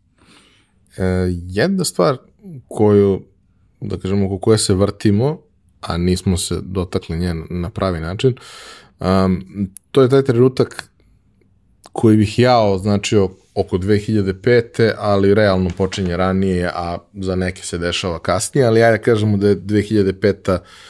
ono, neki level svesti kada to sad već postaje ozbiljna tema za sve. Uh, trenutak kada je došlo vreme da uh, treba se naprave sajtovi na internetu. I sad dobro, ok, mislim, imamo mi situaciju da je 2023. neke firme koje su velike, ozbiljne i sve ostalo nemaju sajtove ili imaju sajtove koji ne odgovaraju tome što je potrebno.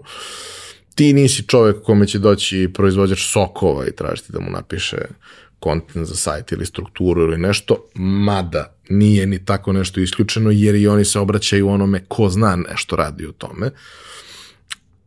Ali ovi ljudi koji se bave u to vreme bismo rekli računarima, jel? Dakle, ne IT-em, nego hardware, software, ali u tom smislu, njima je to osnovno sredstvo za rad. Njima je to jako važno. Ok, važni su i haloglasi, važno i, važne su i druge stvari, ali ti sad imaš tu gomilu nekih stvari koje, ok, prodavci hardvera sigurno neće imati najzanimljivije sajtove na internetu, ali ti ljudi koji rade neki uslužni softver, ti ljudi koji pokušavaju da u tom trenutku izgrade neke timove, privuku neke ljude, ponude neka svoja rešenja, oni tu sad već imaju ozbiljne potrebe i ozbiljan problem koji nemaju baš tako jednostavan način da reše.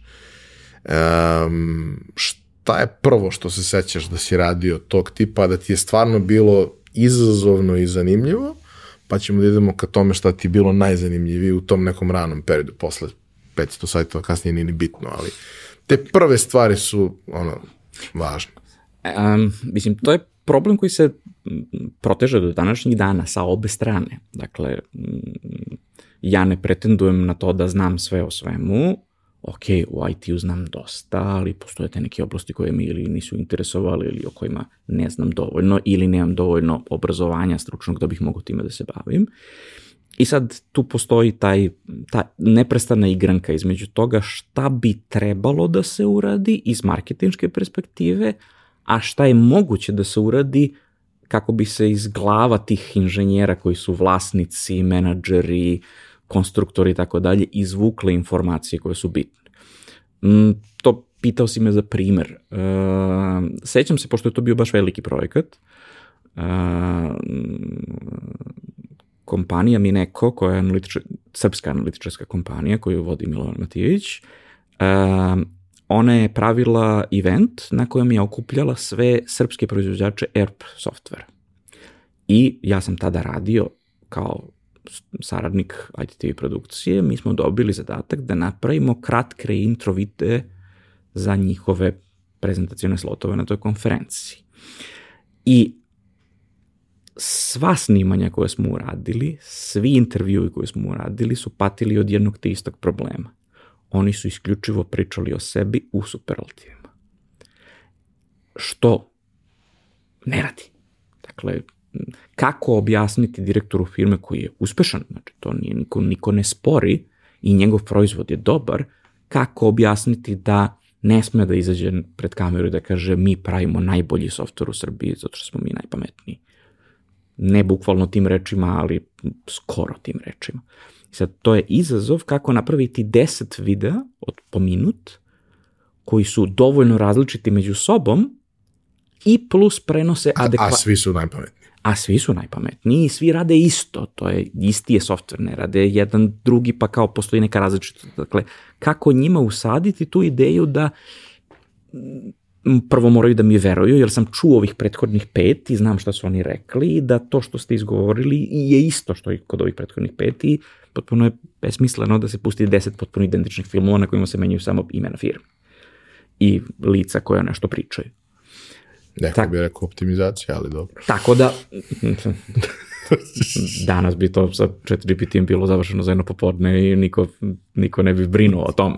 Ali to je recimo bio onako da kažem značajan izazov jer je, ok, ja u tom trenutku nisam iskusni televizijski producent, ja sam manje više početnik i ok, ja pratim šta meni Lala i njegov partner Veljko govore, kako s time izaći na kraj, A opet s druge strane to se dešava paralelno sa nekim projektima koje mi radimo za Microsoft gde postoji vrlo jasan guidance kako to treba da se uradi. Nama je došla producentkinja iz Amerike da nas vodi. Mi smo imali klip koji je snimljen, to je uh, jedan, jedan video je rađen za kompaniju Saga iz Beograda koja je napravila softver za Narodnu banku Srbije, odnosno Udruženje banaka Srbije, koje je onda prodala u Venecueli, ako se dobro sećam, to je već pre 15 godina, počeo sam i da zaboravljam. Uh, ali je to success case i žena je došla i rekla mi treba da uradimo to, to, to, to i to.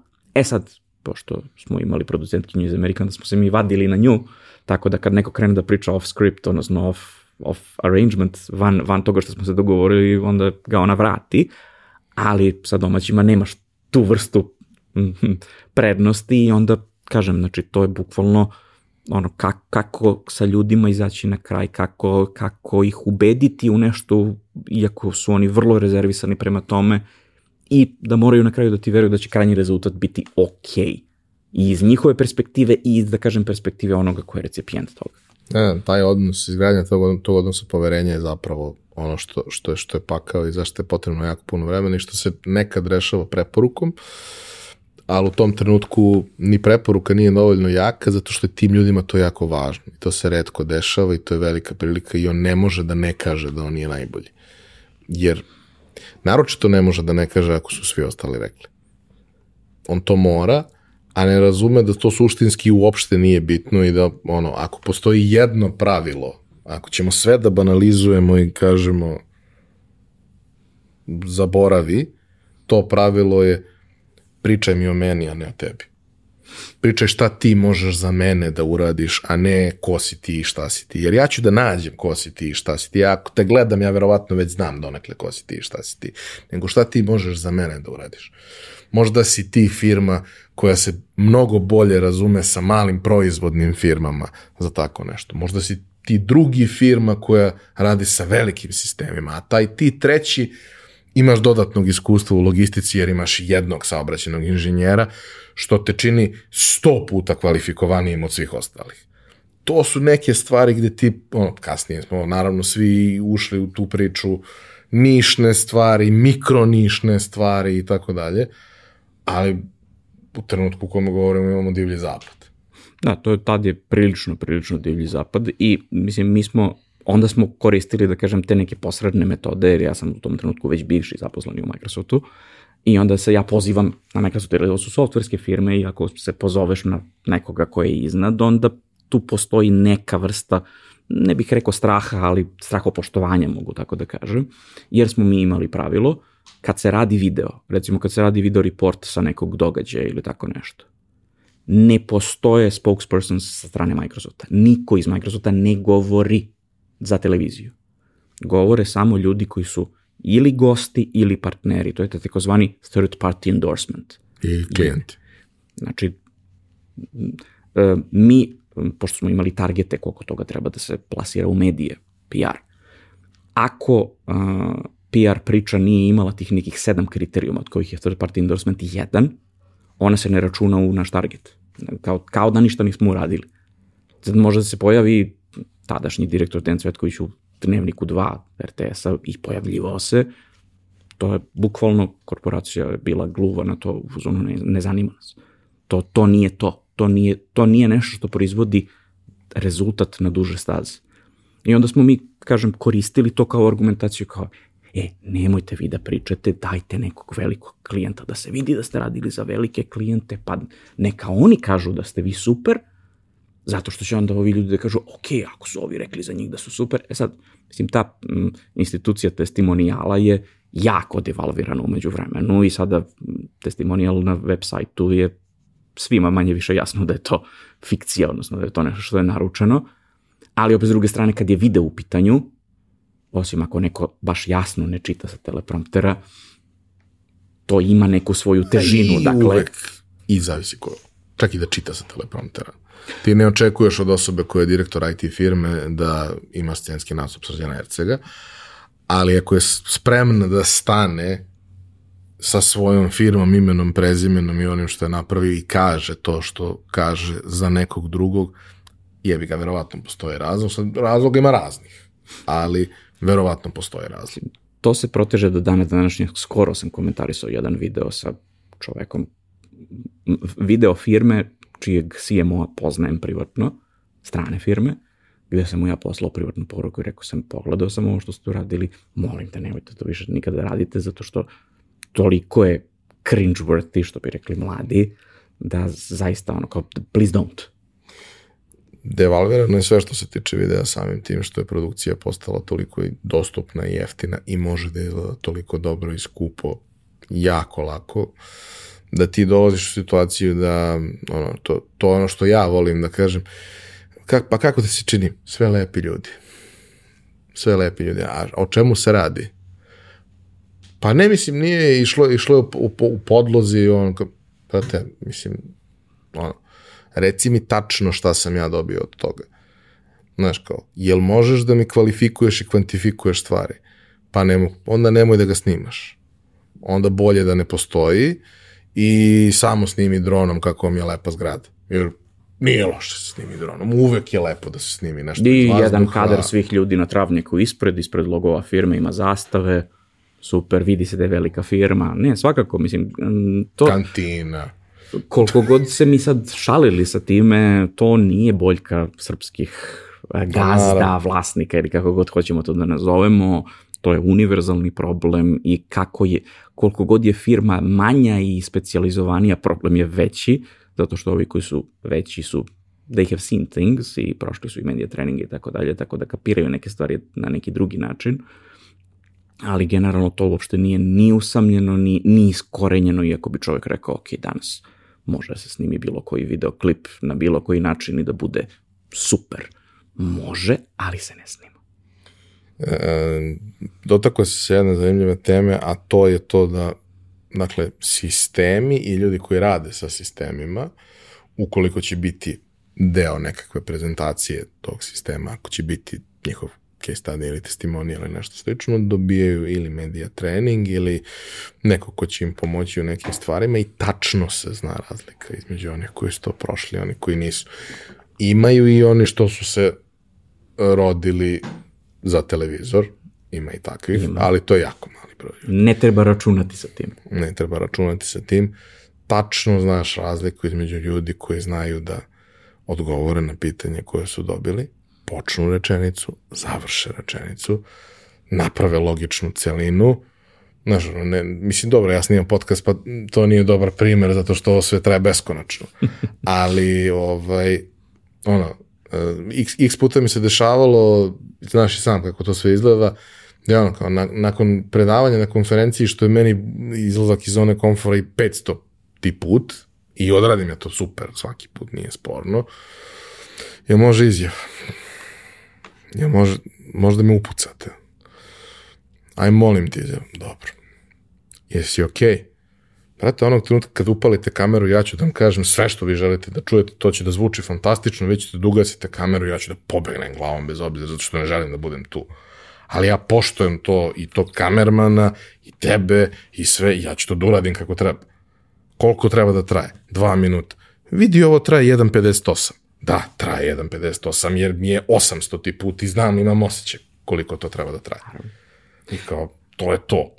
Sećam se jedne situacije, tada sam, tada sam radio privatno, ali to, kad, kad treba da se pomogne da se ide na neki event uh, ekipi ITTV-a, pošto su oni imali in-house tri snimateljske ekipe u tom trenutku i sad fali novinara u krajnjoj liniji.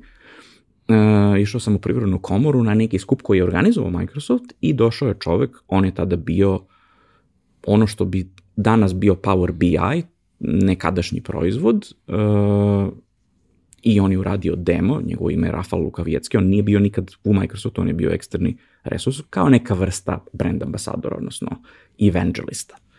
I on je vrhunski profesionalac, ta to prezentacija je bila fenomenalna, to je bio live demo na dve mašine SQL servera, znači to stvarno za ljude koji se razumeju fenomenalna stvar.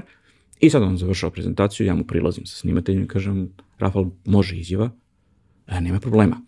E, koliko dugo treba da traje, za koju publiku, e, šta biste želeli, koje su vam pitanja? Niko pre toga i posle toga to nije uradio na takav način. Ja sam bio zatečen, ok, ja znam šta ću da ga pitam, ali sam imao dve sekunde zadršku onoga, e, aha, znači resetovao me. S druge strane, koliko je to neuobičajeno, govori sledeća sekvenca, ja jednom prilikom uh, pratim mog tadašnjeg generalnog direktora, gospodina Dejana Cvetkovića, uveče na snimanje neke emisije u RTS na Košutnjak. I sad to je bilo duboko iza radnog vremena, Jelena je bila umorna i rekla je, e, aj molim te, idi ti sa cveletom na RTS, to, just make sure everything works. Ok. I sad, mislim da su bile još dva ili tri gosta u studiju. Ja sam tu, našli smo se ispred, ušli smo unutra, ulazimo u studiju. Ja sam poz... tu, puška je zakočena.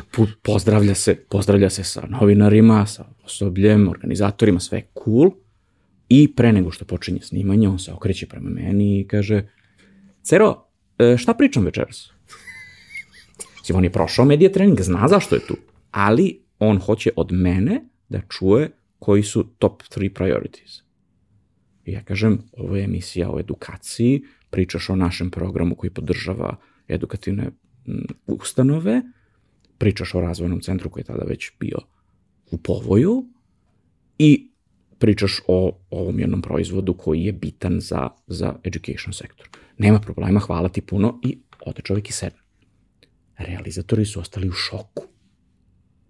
Jer ja sam u tom trenutku manje više isto ovako, samo sa 15 godina manje, u majci kariranoj košulji i mene, generalni direktor kancelarije Microsofta, pita za mišljenje oko nečega.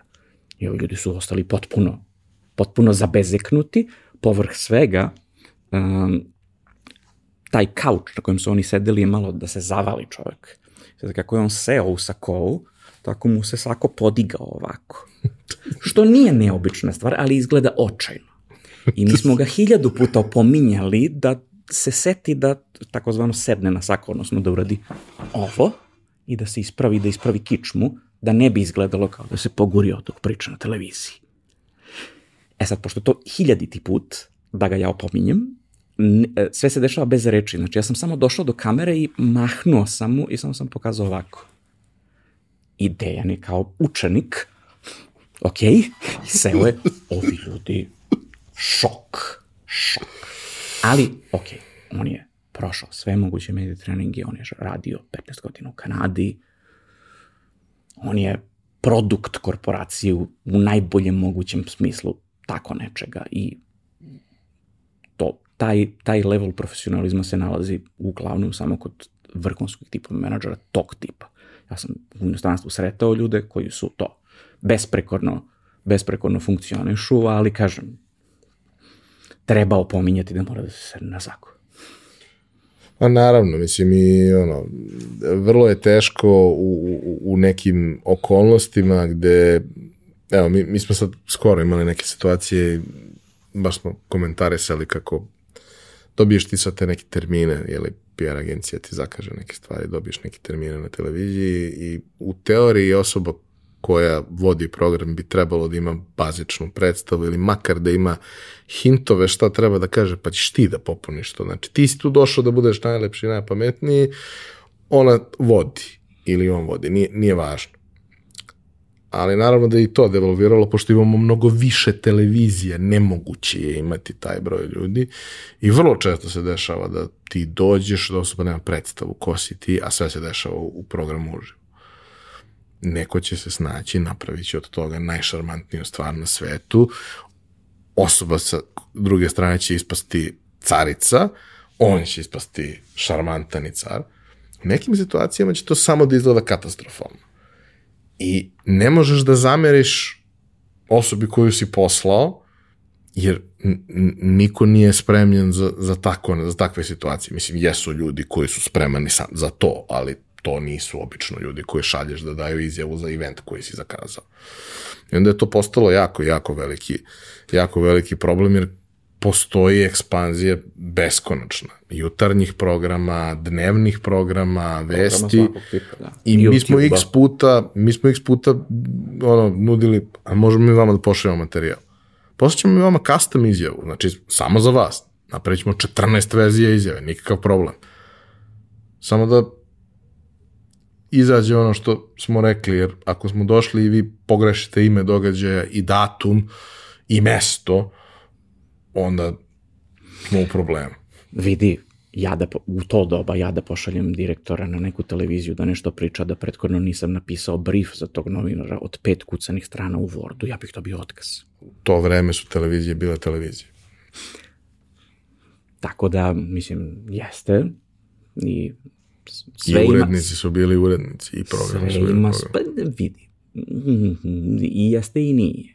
Negde jeste, negde nije, negde je isti taj produkcijski standard kao što je bio i onda, negde je bolji, negde je lošiji, ali generalno, mislim, sve se svodi na neki lični efort, čak i ako ljudi ne pošalju brief da taj voditelj sedne i makar pročita ime sa papira osobe s kojim razgovara, iako ne zna o čemu se, o čemu se radi. Ali, kažem, znači, te ti neki profesionalni standardi koje sam tada naučio me i dan danas progone, jer su stvari devalvirale mnogo umeđu vremenu, ali e, jako pomažu u tim nekim kritičnim situacijama, kad je stani pani. Jer sam hiljadu puta bio u situaciji da sam ja neko ko mora da utrči, iako po formacijski, po seniority ili kako god ne pripadam u toj situaciji, zato što jednostavno mlađi saradnici nisu o tome razmišljali, nisu predvideli da će nešto da krene naopako i onda ja mogu to ja mogu to da, da izvučem i to se x puta, x puta pokazalo kao takvo, ok, ja imam taj attention to detail, što bi rekli englezi, i vidim duple space-ove i typos. Razmak eh, pre zareza. Dupli, dupli razmak i razmak pre zareza i tako te stvari ali to je 15 godina drila i attention to detail.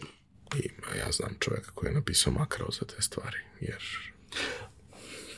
Mislim, Naravno. mnogo je lakše. Mislim, postoji taj spelling checker već 15 godina mnogo, za srpski, pa ga ljudi dalje ne koriste. nego da moraš posle da iskopaš sebi oko, jer A. dva samo imaš. E, sajtovi, Ceriću, sajtovi. Na sajtove da te vrate. Sajtovi?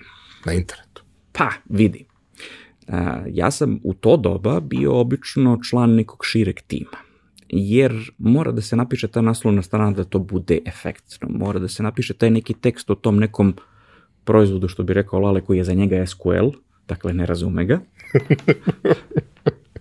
e, tako da, e, ja sam imao taj task da ja sam e, menadžer za specijalne operacije. Znači, kad treba da se uradi nešto extraordinary, onda ja utrčim, ali tek kasnije se to pretvorilo u taj neki management i vezano za SEO i tako dalje. Ja kad sam bio mlađi, ja sam govorio da ja ne pišem za SEO, ja pišem za ljude, pošto to treba čovek da pročita. Ima ljudi koji će to da isprave, da to bude SEO korekt, ali ja nisam taj, ok, umeđu vremenu sam naučio tako da mogu da uradim obe stvari ili jednu pa drugu, ali tada, tada je to bilo bitno da se napiše da kad neko pročita da to dovede do neke akcije. Jer većina ljudi i marketara ima tu sklonost da zaboravi šta je end goal. Znači, šta si hteo da proizvedeš tim sajtom. Odnosno, njihov cilj i klijentov cilj obično nisu isti. Ili ne postoje. Ali u svakom slučaju lepo je da sajt bude lep, Jest. lepo je da sajt bude responsive, lepo je da sajt bude brz, ali ako dole ne stoji CTA koji kaže click here, call now, cela par stvar pada u vodu i možete da imate najbolji i najoptimizovaniji sajt koji izlazi na prvoj stranici Google-a, ako je njegov return on investment nula, džabe ste krečili. I obično ja se trudim da primenim taj neki zdrav razum i da kažem, ok, sve je to lepo, ali morate na kraju nešto da prodate šta god, šta god da ste dogovorili da je krajnji rezultat, jer u jednom trenutku, naročito ljudi koji se bave kontentom su otišli u tu drugu krajnost, e, mi samo privlačimo saobraćaj, nas ništa drugo ne interesuje. Pa ne može da vas ne interesuje, mislim, vi pružate integralnu uslugu, jeste vi delić cele, cele te slagalice, ali ne možete vi da napišete tekst koji nema početak, razradu i kraj i da taj kraj vodi ka logičnom završetku. Skoro sam objašnjavao jednom klijentu kako ide ta neka hijerarhija stranica i iz SEO perspektive iz logičke perspektive. Znači, na homepage dolaze ljudi koji traže brand search, znači ime firme. Njihovo iskustvo treba bude potpuno drugačije ili značajno drugačije u odnosu na nekoga ko je došao na neku unutrašnju stranicu nekog servisa po toj ključnoj reči njihovo znanje o tom proizvodu se razlikuje, njihovo znanje o vašoj firmi se razlikuje, sve se razlikuje. Njihov customer journey je potpuno drugačiji. I samim time mora da postoji neki flow, mora da postoji neki tok koji na kraju, ja to obično banalizujem tako kažem, e, na kraju je tekuće, stanje na tekućem računu. Na kraju svega. Znam banalne, znam strogoje, ali tako je. Mi se ne bavimo umetnošću, mi se bavimo egzaktnom naukom koja se zove marketing. Ja se slažem u tome što kažeš i da ukoliko marketing nema svoju svrhu, a zna se šta je svrha marketinga, to je da pomogne prodaji, sve ostalo je nebitno. Um, kako beše Bill Berbach je rekao, if no one notices your advertising, everything else is academic. Realno. Ajde da kažemo da je to prvi preduslov da neko uopšte primeti u moru svega to, ali mi smo prošli tu fazu. Mislim, mi više redko šta ćemo raditi uopšte, barem u našem poslu, i dešava se, ali ne, ne prečesto, redko šta ćemo mi raditi tako što ćemo nešto sada guramo ljudima pred oči, pa sad nešto. Ne, ne, ne. Mi ćemo da napravimo nešto da oni kada traže, nađu. I kada nađu, bude im jasno. I kada im bude jasno, oni urade ono što smo mi želeli in the first place. Možda i neće odmah da urade. Možda je to proces. Ali ako su ga našli i ako su ga našli lako, oni će da traže još pet, ali će i nakon toga, ako im se to čini kao najbolje rešenje, ponovo lako da te nađu. Nije to sad ona varijanta gde ti sad, znaš, mislim, x puta se dešavalo da kao pronađeš nekakav sadržaj koji je fantastičan i više nikad ne možeš da ga nađeš, zato što je neko napravio nešto što je sjajno i učinio ga takvim da ne može da se nađe. Imali smo malo pre situaciju da sam ja proveo 7 minuta tražeći YouTube sadržaj koji je među vremenu obrisan jer su neki loši ljudi prijavili, a sjajan sadržaj, to sad nije važno, ali on je takav da ne može da se nađe nikad. Njega samo neko može da ti pošalje. Što je za takav zabavni sadržaj ok, ali ako si ti napravio nešto i uradio si, uložio si trud da napraviš nešto i nisi se iscimao dovoljno da onda sad to neko zapravo može i da pronađe negde, pa što si radio sve ovo ostalo? Koja je svrha toga?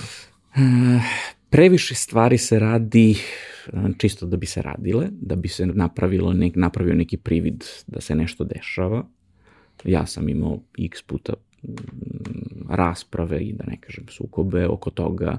E, Znaš ti si taj content writer, ajde ti uzmi, kreiraj taj content. Ok, nikakav problem. Ajde ti celo ono tvoje. Da, da, internet, e, kompjuter. E, dobro, na šta ja imam taj problem što postavljam pitanje.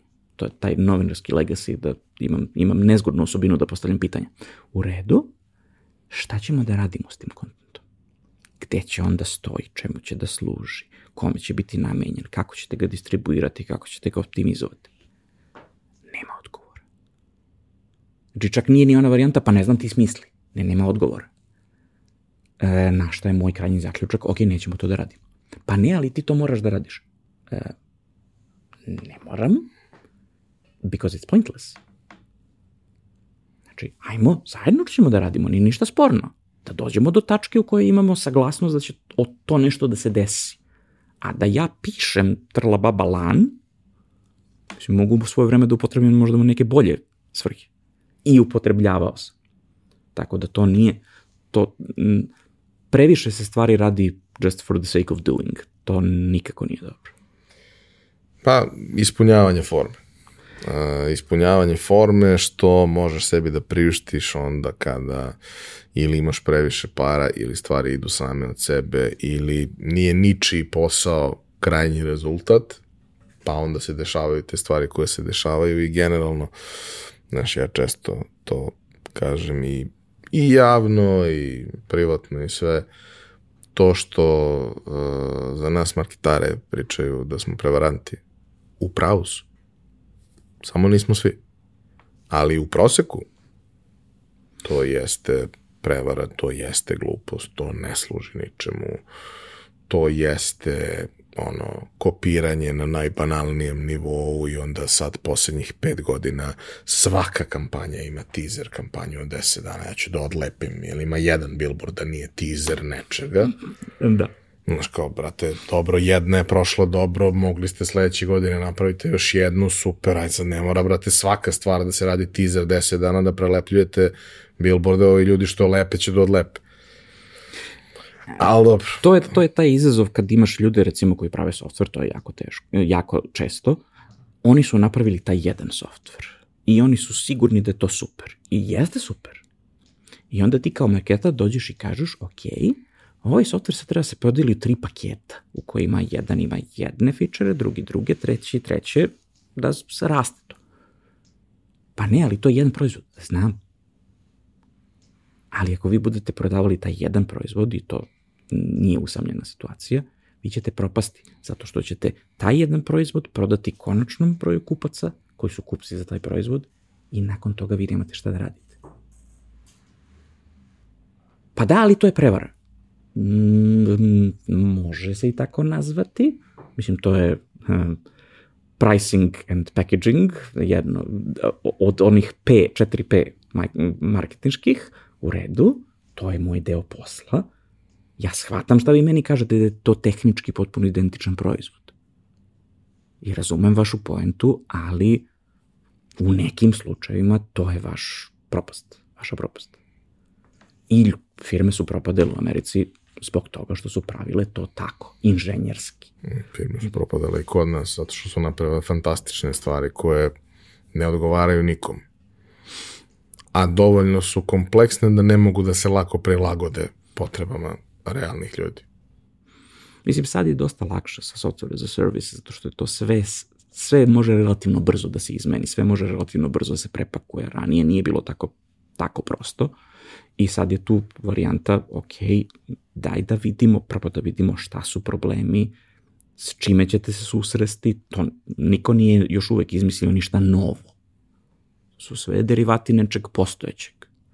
Znači, ako zanemarimo Uber, ali Znači sve ima neku, sve ima neku predistoriju, imaš neku point of reference, neku tačku referentnu na kojoj možda kažeš, ok, ovim ljudima se desilo to i to, ovim ljudima se desilo to i to. Ajmo da sprečimo da se to isto desi i vama. Ajmo da uradimo nešto drugo, drugačije. Hajde da napravimo nove greške. Nije sporno. Ne, ne, ja ne polažem sada da ću ja sada da osmislim najbolju kampanju svih vremena koja će sada da proda 100 miliona maraka. Ne mora znači mogu failujem potpuno, ali kao nikako ne mogu da upamtim tačno kako ide ta rečenica na engleskom, ali sećam se, znači, e, on je bio SAP ambasador, brand ambasador i bio je na jednom SAP-ovom eventu ovde na, u pozorištu na terazijama. Bottom line je, ako radite sve stvari onako kako ste ih radili do sada, zašto očekujete da će to dati bilo kakav drugi rezultat? Definicija ludila je ponavljanje sa očekivanjem drugih, drugačijeg ishoda. Ali ima taj moment koji ono, sam par navrata iskoristio u razgovorima, dogovorima, pregovorima sa klijentima i koji često koristim kada dajem preporuke između ostalog i za tebe i za vas desetak koji ste mi najbliži saradnici, prijatelji za koje zaista mogu uvek da garantujem sve. Jeste, jesi ti siguran da će to sve da bude kako treba? Ne. Pa kako onda, pa šta? Nema sigurno. Sigurno ne postoji. Sigurno ne postoji. Ali na mene najmanja kvota. Znaš, kao kad me skoro pitao prijatelj daj mi dva saveta o životu, ja sam rekao jedan koji je bezobrazan i neću ga citirati i drugi nemoj nikad igraš dvojku kad Bayern igra kući. Jednostavno, ili, to je to. Ili u alternativnom primjeru našeg prijatelja Žarka Ptičeka na pitanje na startitovom forumu gospodine Ptiček, planiram da otvorim kiosk sa viršlama, šta biste mi preporučili? Nemojte štediti na senfu. Molim lepo. E sad, Ceriću, ti si, ti znaš mnogo zanata. Znači, ti si taj što voli, kao i svi moji gosti, sebi da komplikuje život. Uh, deo karijere tvoje koje se suštinski nismo dohvatili dovoljno, odnosno jesmo u tragovima, jer si ti kreirao sadržaj na engleskom jeziku i dok si radio ovde, jer je firmama odavde bio potreban da se prezentuju negde drugo, jeste taj trenutak kad si ti zapravo krenuo da radiš za stranci i prošao kroz nekoliko potpuno različitih iskustava vrsti kompanija, veličine organizacija i lokacije i svega i prosto verujem da je svaka od tih iskustava bilo izuzetno dragoceno da ti svašta nešto naučiš, da shvatiš šta hoćeš, shvatiš šta nećeš, da shvatiš šta radi u različitim okolnostima, jer okolnosti su potpuno različite. Pa ajde malo trip down memory lane što se tog dela tiče. Kada se desio taj moment koji sam pomenuo da su 2009. sa malim zakašnjenjem presušili ti neki budžeti, bilo je viđeno da ja moram da nađem full time posao jer jednostavno nije bilo dovoljno posla ovako. I e, tu se otvorila vrlo interesantna e, prilika rada fully remote, pričamo od 2015. godini recimo, za američku softversku firmu koja se zove GFI Software. Oni su dugogodišnji provider rešenja za IT profesionalce, infrastruktura, security i tako dalje, koji je vremenom popustio sa poslovnim performansama i ih je kupio investicioni fond iz Amerike. I krenuli su u neke te promene i tako dalje. Fully remote je bio jedan od, od, od tih momenta. I ja sam tu stekao neka dragocena iskustva uvida u strano tržište bez fizičkog prisustva na stranom tržištu, dakle oni su američka firma sa sedištima na Malti, Hong Kongu, Beču, kako god. I oni su trošili u tom trenutku između milion i milion i po dolara na AdWords svakog meseca. Dakle, to govori dovoljno o tome koja je magnituda operacije u pitanju. Ja sam bio m, zaposlen kao osoba koja će voditi računa o uh, earned i owned media inicijativama, znači sve ono što nije paid. Od PR-a, preko web sajta, preko content marketinga, oni su imali veliki blog, dobro posjećen blog koji je bio fokusiran samo na tu tematiku i jako dugo godina je postojao i bio je baš visoko poverenja u, u toj zajednici. I nekoliko bitnih lekcija su tu da mm, mm, ono što smo imali prilike da čujemo iz, iz usta našeg prijatelja Neboše Radovića, da mm, ljudi odavde osim toga što se bave s dosta zanata, što nekad može da bude prenos, nekad može da bude pana, nemaju nikakvu posebnu, uh, ne zaostaju ništa u odnosu na strance. Stranci samo imaju više para odnosno upravljaju sa više para. I to je bila smešna situacija kada sam odlazio iz firme, tražio sam exit intervju kod CMO-a i pitao sam koji je njegov feedback, on je rekao da je jako zadovoljan mojim radom, ali da moram da budem odlučniji u potrošnji tuđih para. Na šta, na šta sam ja objasnio da u potpunosti razumem i zahvaljujem mu se na tom feedbacku, ali I blame my parents, što su mi oni tako vaspitali da ne razbacujem ničije pare, pa ni tuđe. Ovaj, ali mislim tu su bilo je nekih inicijativa koje su bile jako interesantne i e, meni su omogućile kvantifikaciju tih nekih stvari koje sam radio u smislu moje email kampanje su imale 40% bolji open rate i 60% bolji click-through rate u odnosu na prethodne kampanje. Ja sam pravio blog postove koji su imali rezultate u Google Newsu za manje od 24 sata i tako dalje i tako dalje, tako da je to bio jako zgodan ogledni, ogledni poligon za, za obučavanje za nastup na, na svetskom tržištu. Nakon toga sam dobio priliku da radim u jednom nemačkom startupu na lokaciji kao tada to smo nazvali Head of Marketing and Sales, što je bilo smešno s obzirom da je firma od sedmoro ljudi u tom trenutku, da sam ja head nečega, ali nebitno, gde ja dolazim u programersku firmu koja se zapravo bavi performance marketingom, ali uh, su oni mobility provider, odnosno nisu mobility provider, oni su i danas su uh, meta search engine za međugradski autobuski prevoz. Agregator.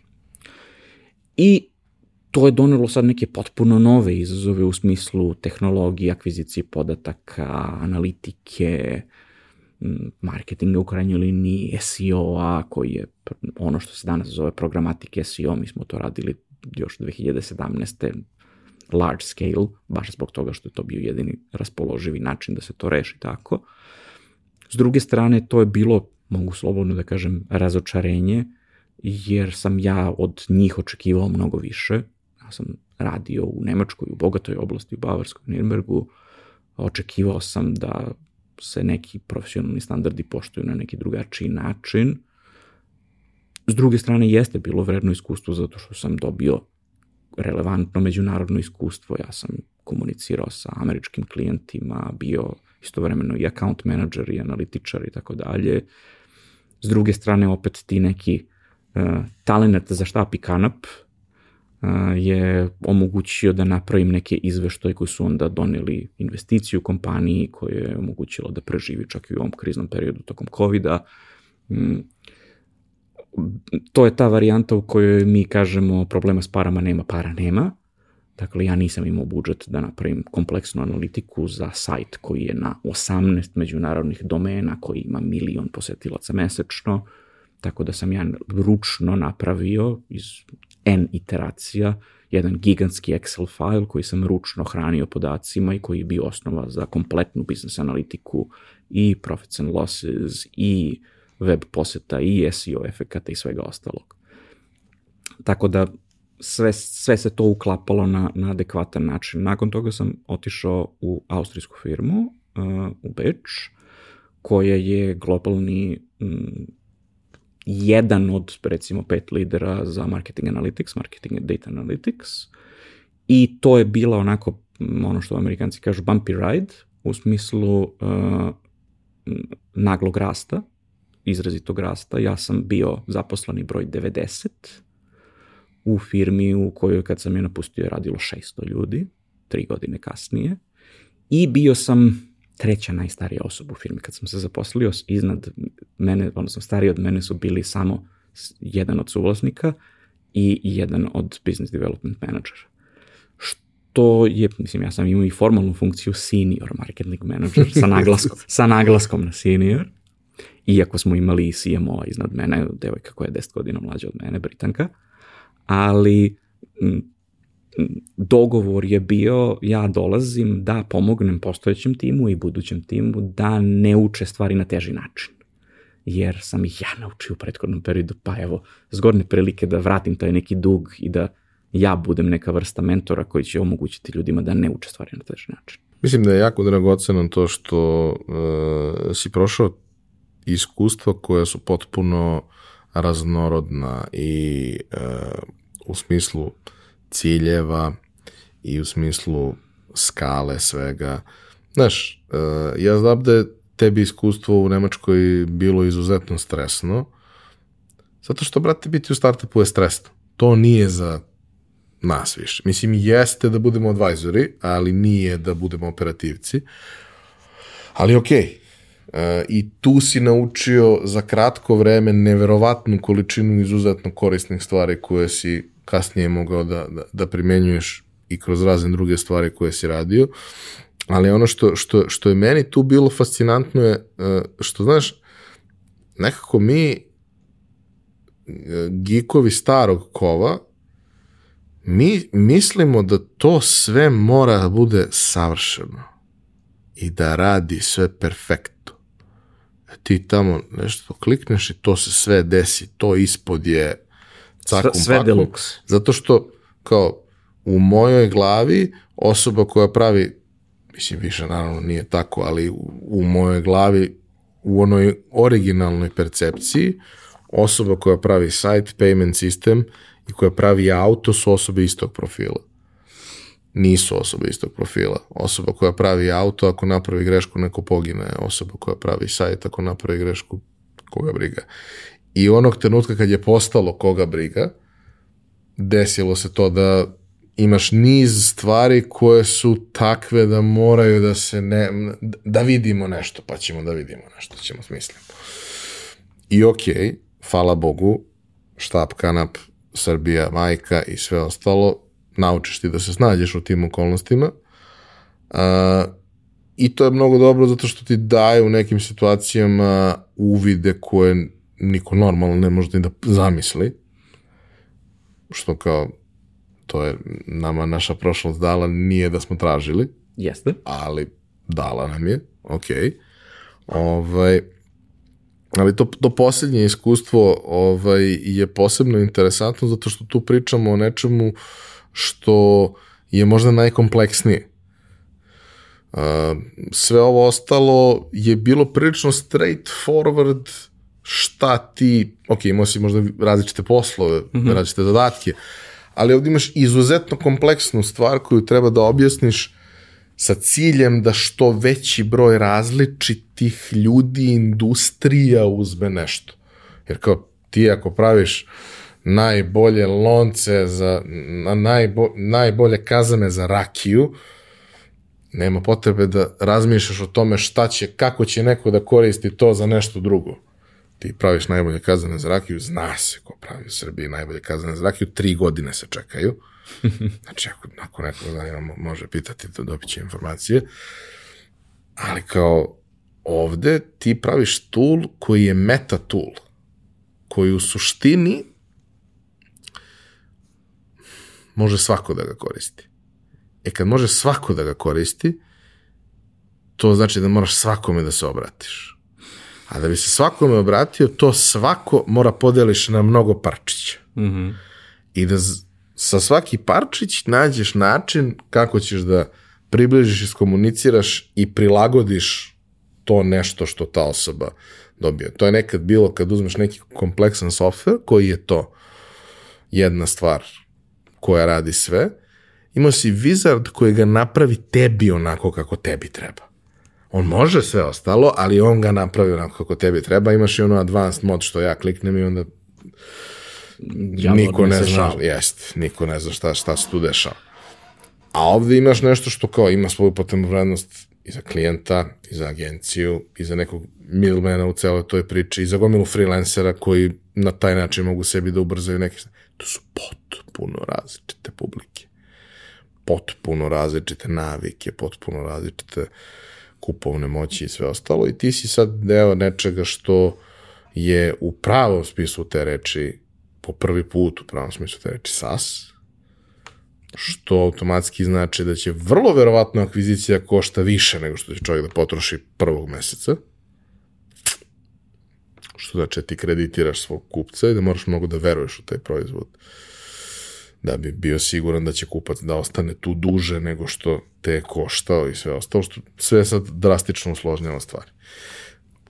Šta su key takeaways iz tog iskustva koje su tebe učinile, da kažem, ok, boljim profesionalcem, ali spremnim za iskorak koji se desio nakon toga.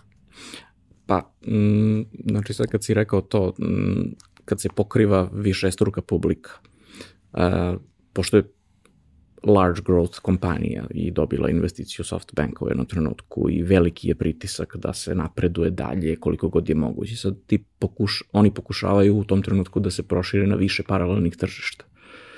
I sad tu sad postoje razno razni problemi. I ja sam u tom periodu, baš u tom periodu, uh, obrađivo, slušao uh, mini MBA kurs kod Mark Ritsona, marketing profesora, koji je on radio sa Marketing Weekom, koji je redukovani MBA kurs koji je on držao svoje vremeno na Univerzitetu Kolumbija u, u Americi. I jedna od njegovih ključnih teza, osim market orientationa, dakle da moraš da gledaš iz perspektive klijenta, a ne iz perspektive sebe, jeste uh, segmentation u smislu morate da znate šta radite i morate da znate šta ne radite. Odnosno morate da donesete svesnu odluku kako neke stvari treba da zanemarite u kraćem ili dužem roku ili u potpunosti. E sad, kad je strong growth, ljudi odbijaju to. Znači oni hoće sve i hoće odmah i hoće što pre i imaju čak i dovoljno para, ali kad se izgubi fokus, to je jako veliki problem. I u principu ja sam taj posao dobio, osim, ok, imam i dovoljno iskustva i godina i sve tako dalje, e, zato što sam ja de facto u toj prethodnoj nemačkoj firmi napravio taj isti softver u Excelu, jer nisam imao para da ga platim. Srđan Erceg je ponosan na tebe. Nisam ja džabe radio kod Srđan Ercega i učio kako se pravi taj AdWords, kako se AdWords software, kako se programira u Excelu i pravi AdWords software koji košta danas ono, milijarde. E, znači, to je jedna stvar. S, dru s druge strane, opet dotakli smo se toga, znači to e, perfekcionizam je neprijatelj završenog. To je bila dežurna teza naše, e, naše menadžerke, odnosno direktorke marketinga i ja razumem u datim okolnostima da je to tako, ali opet s druge strane mora da postoji neki basic level razumevanja, zato što s druge strane nemaš kupce koji kupuju impulsivno žvake u samoposluzi, nego imaš ljude koji su analitičari, ozbiljni marketing menadžeri, ozbiljni performance menadžerima koji ne može da sada da prodaš tako to fluffy nešto. I onda smo imali te situacije da sam ja uh, u dogovoru sa mojim pretpostavljenim napravio stunt, odnosno napravio trik da pokažem koliko je ta strategija nije besmislena, ali neuspešna u krajnjoj liniji. Znači mi smo proizvodili neki kontent za blog, imali smo naravno potrebe raznorazne interne i eksterne što se tiče komunikacije, ali što kad je SEO u pitanju pravi se ta struktura, ono by the book, imaš pillar stranu, imaš supporting blog posts i tako dalje i ja sam odabrao termin koji ima malo, znači nije zero search term, ima malo pretraga, ali je super fokus za tu oblast. Znači, ne može biti precizniji. I tražio sam dozvolu da se narednih dva meseca bavim pisanjem te pillar strane, mislim pillar strane, e-booka, white papera, kako god hoćete, hoćeš da ga nazove.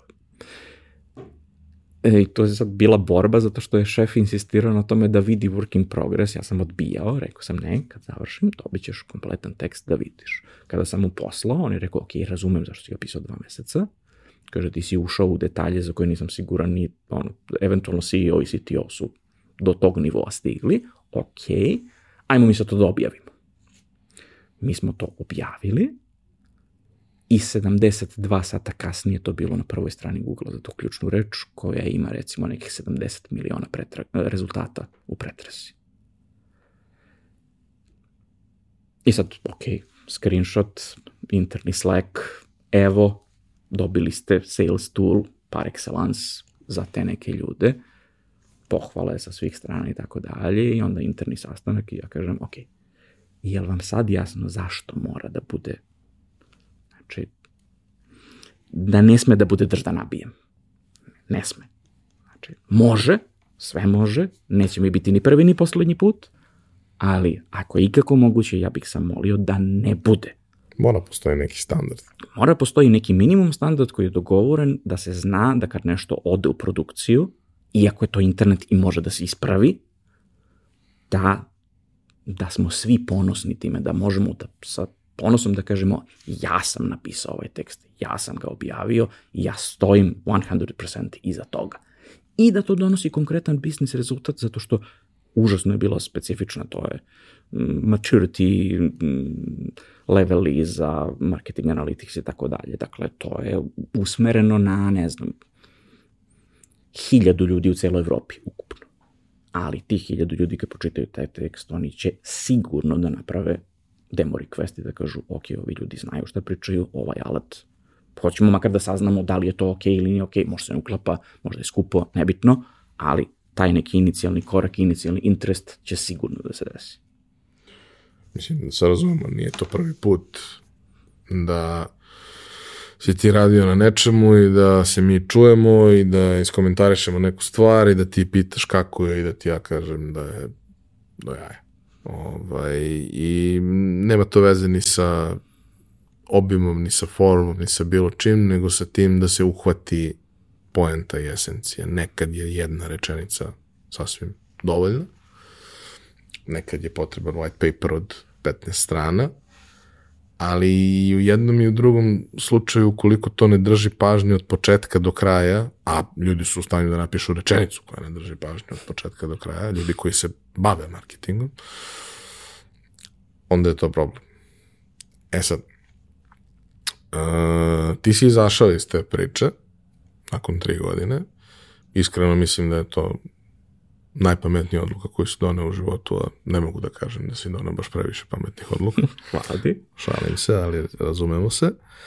Ovaj, ti si doneo odluku da je, kako ja to vidim, sada ponovo došlo vreme za o, ozbiljnu konsultantsku slash freelance priču koja će biti fokusirana na ono što zaista želiš da radiš i gde možeš da doprineseš najviše.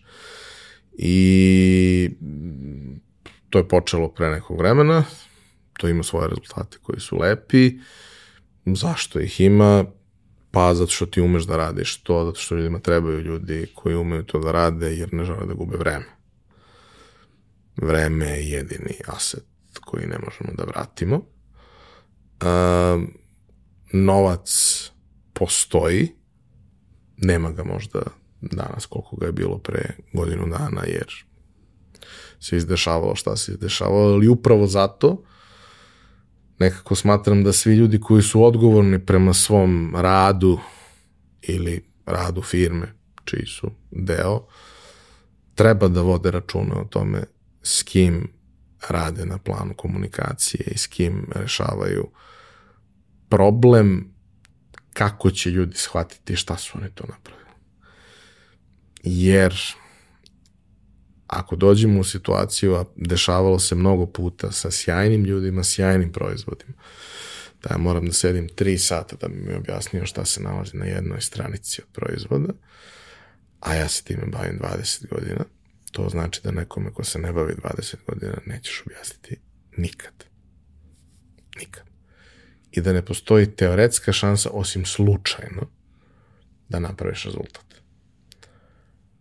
A e, naš posao, konkretno tvoj, ja se tu sam očešen s vremena na vreme, nije da napišemo to. Ok, i Umemo, to je posao. Ali... Stvari u tome da oblikuju, se oblikuju neke stvari da se objasni zašto nešto treba da bude grupisano na određeni način. Šta su stvari koje treba da se istaknu, šta su stvari koje ne treba da se istaknu. Ko će to da napiše? Uz adekvatan brief, potpuno nebitno. Ali doći do tog briefa je u suštini veoma jednostavno zahteva samo ovih 20 godina iskustva i 500 hiljada stvari koje su prošle kroz ruke. Um, kako si ti, to je moje viđenje, znači, kako si ti zamislio tu priču i šta su stvari na kojima sad radiš i šta su stvari koje te zanimaju u narednom periodu koje želiš da radiš?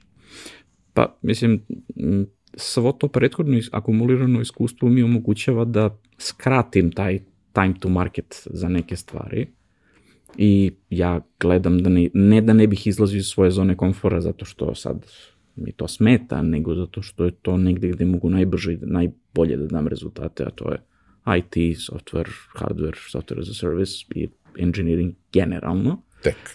Tech. Generalno, tech, technology companies.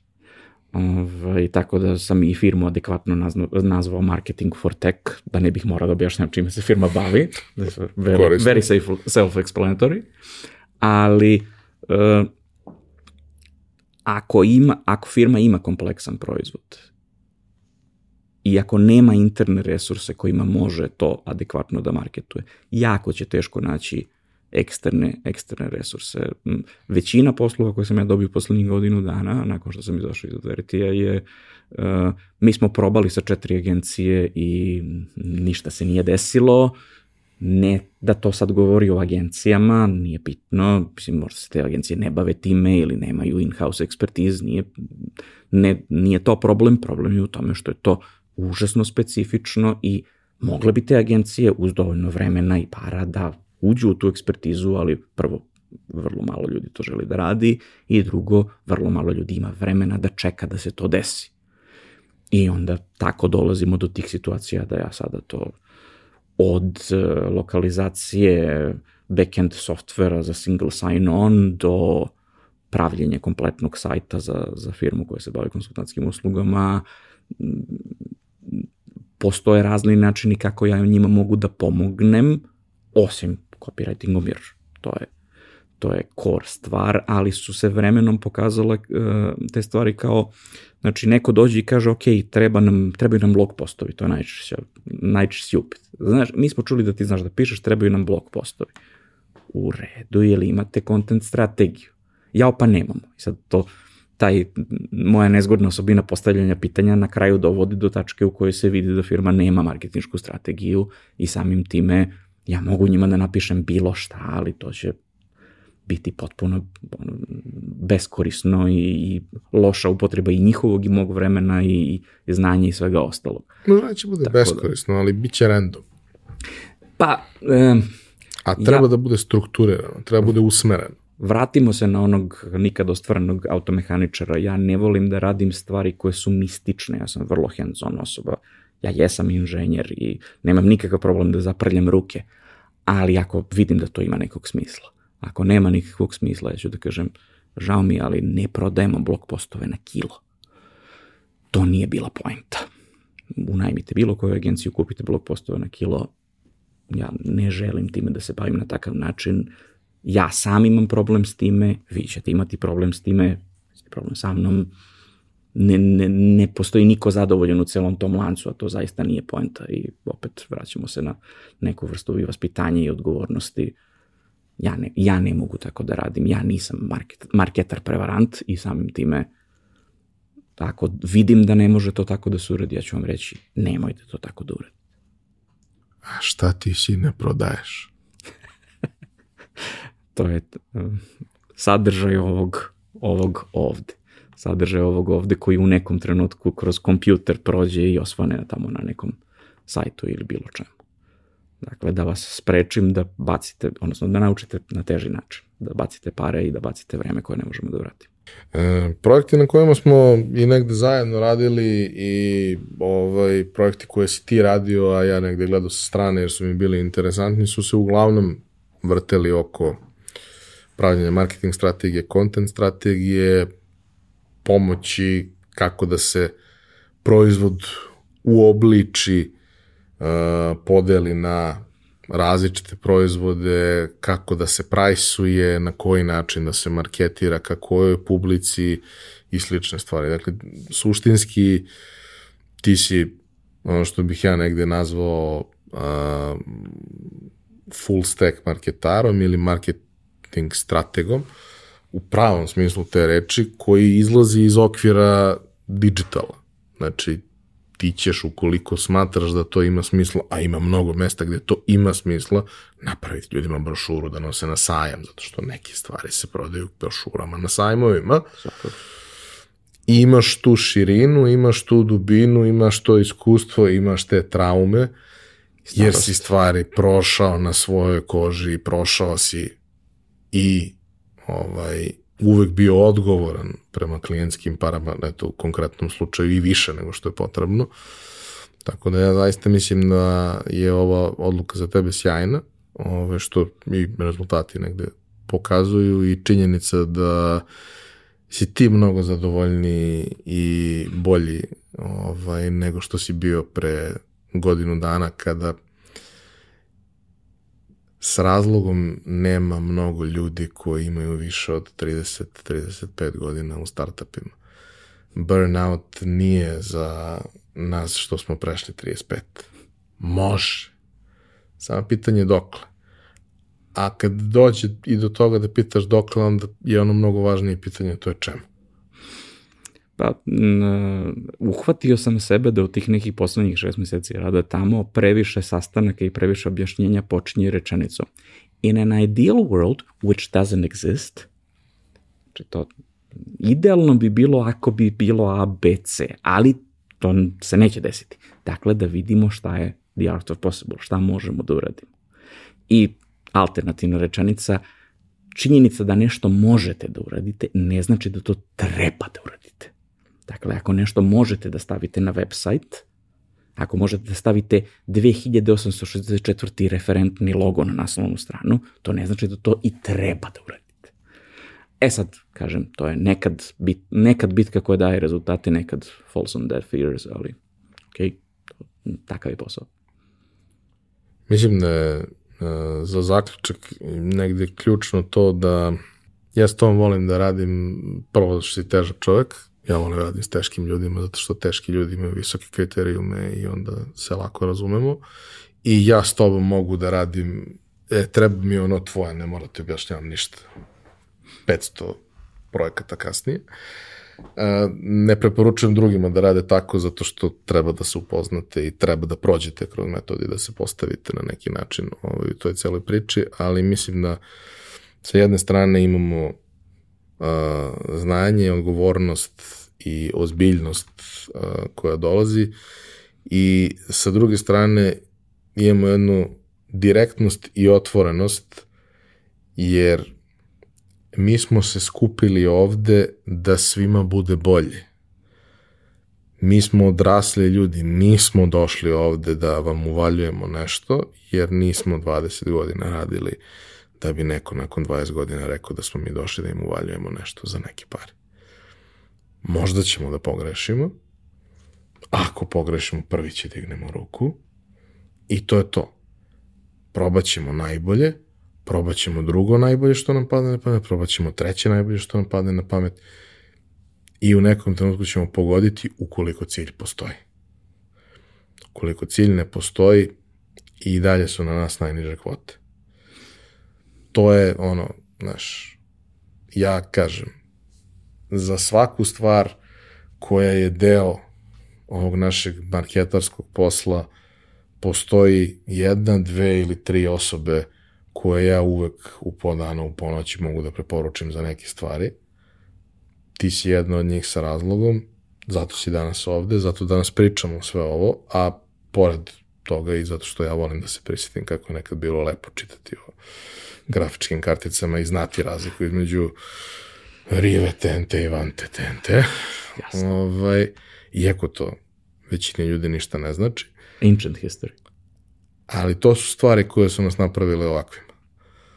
Znaš, to su stvari koje su napravile razliku između e, ljudi koji se trude da urade pravu stvari da naprave nešto. Ne kažem da je mantra aj samo da napravimo, da probamo pa da vidimo šta ćemo loša. Ima super stvari koje su nastale na taj način, ali čak i tu, čak i tada, u nekom trenutku dođe stvar u fazu da treba odrasli ljudi da sednu i da neke stvari uobliče.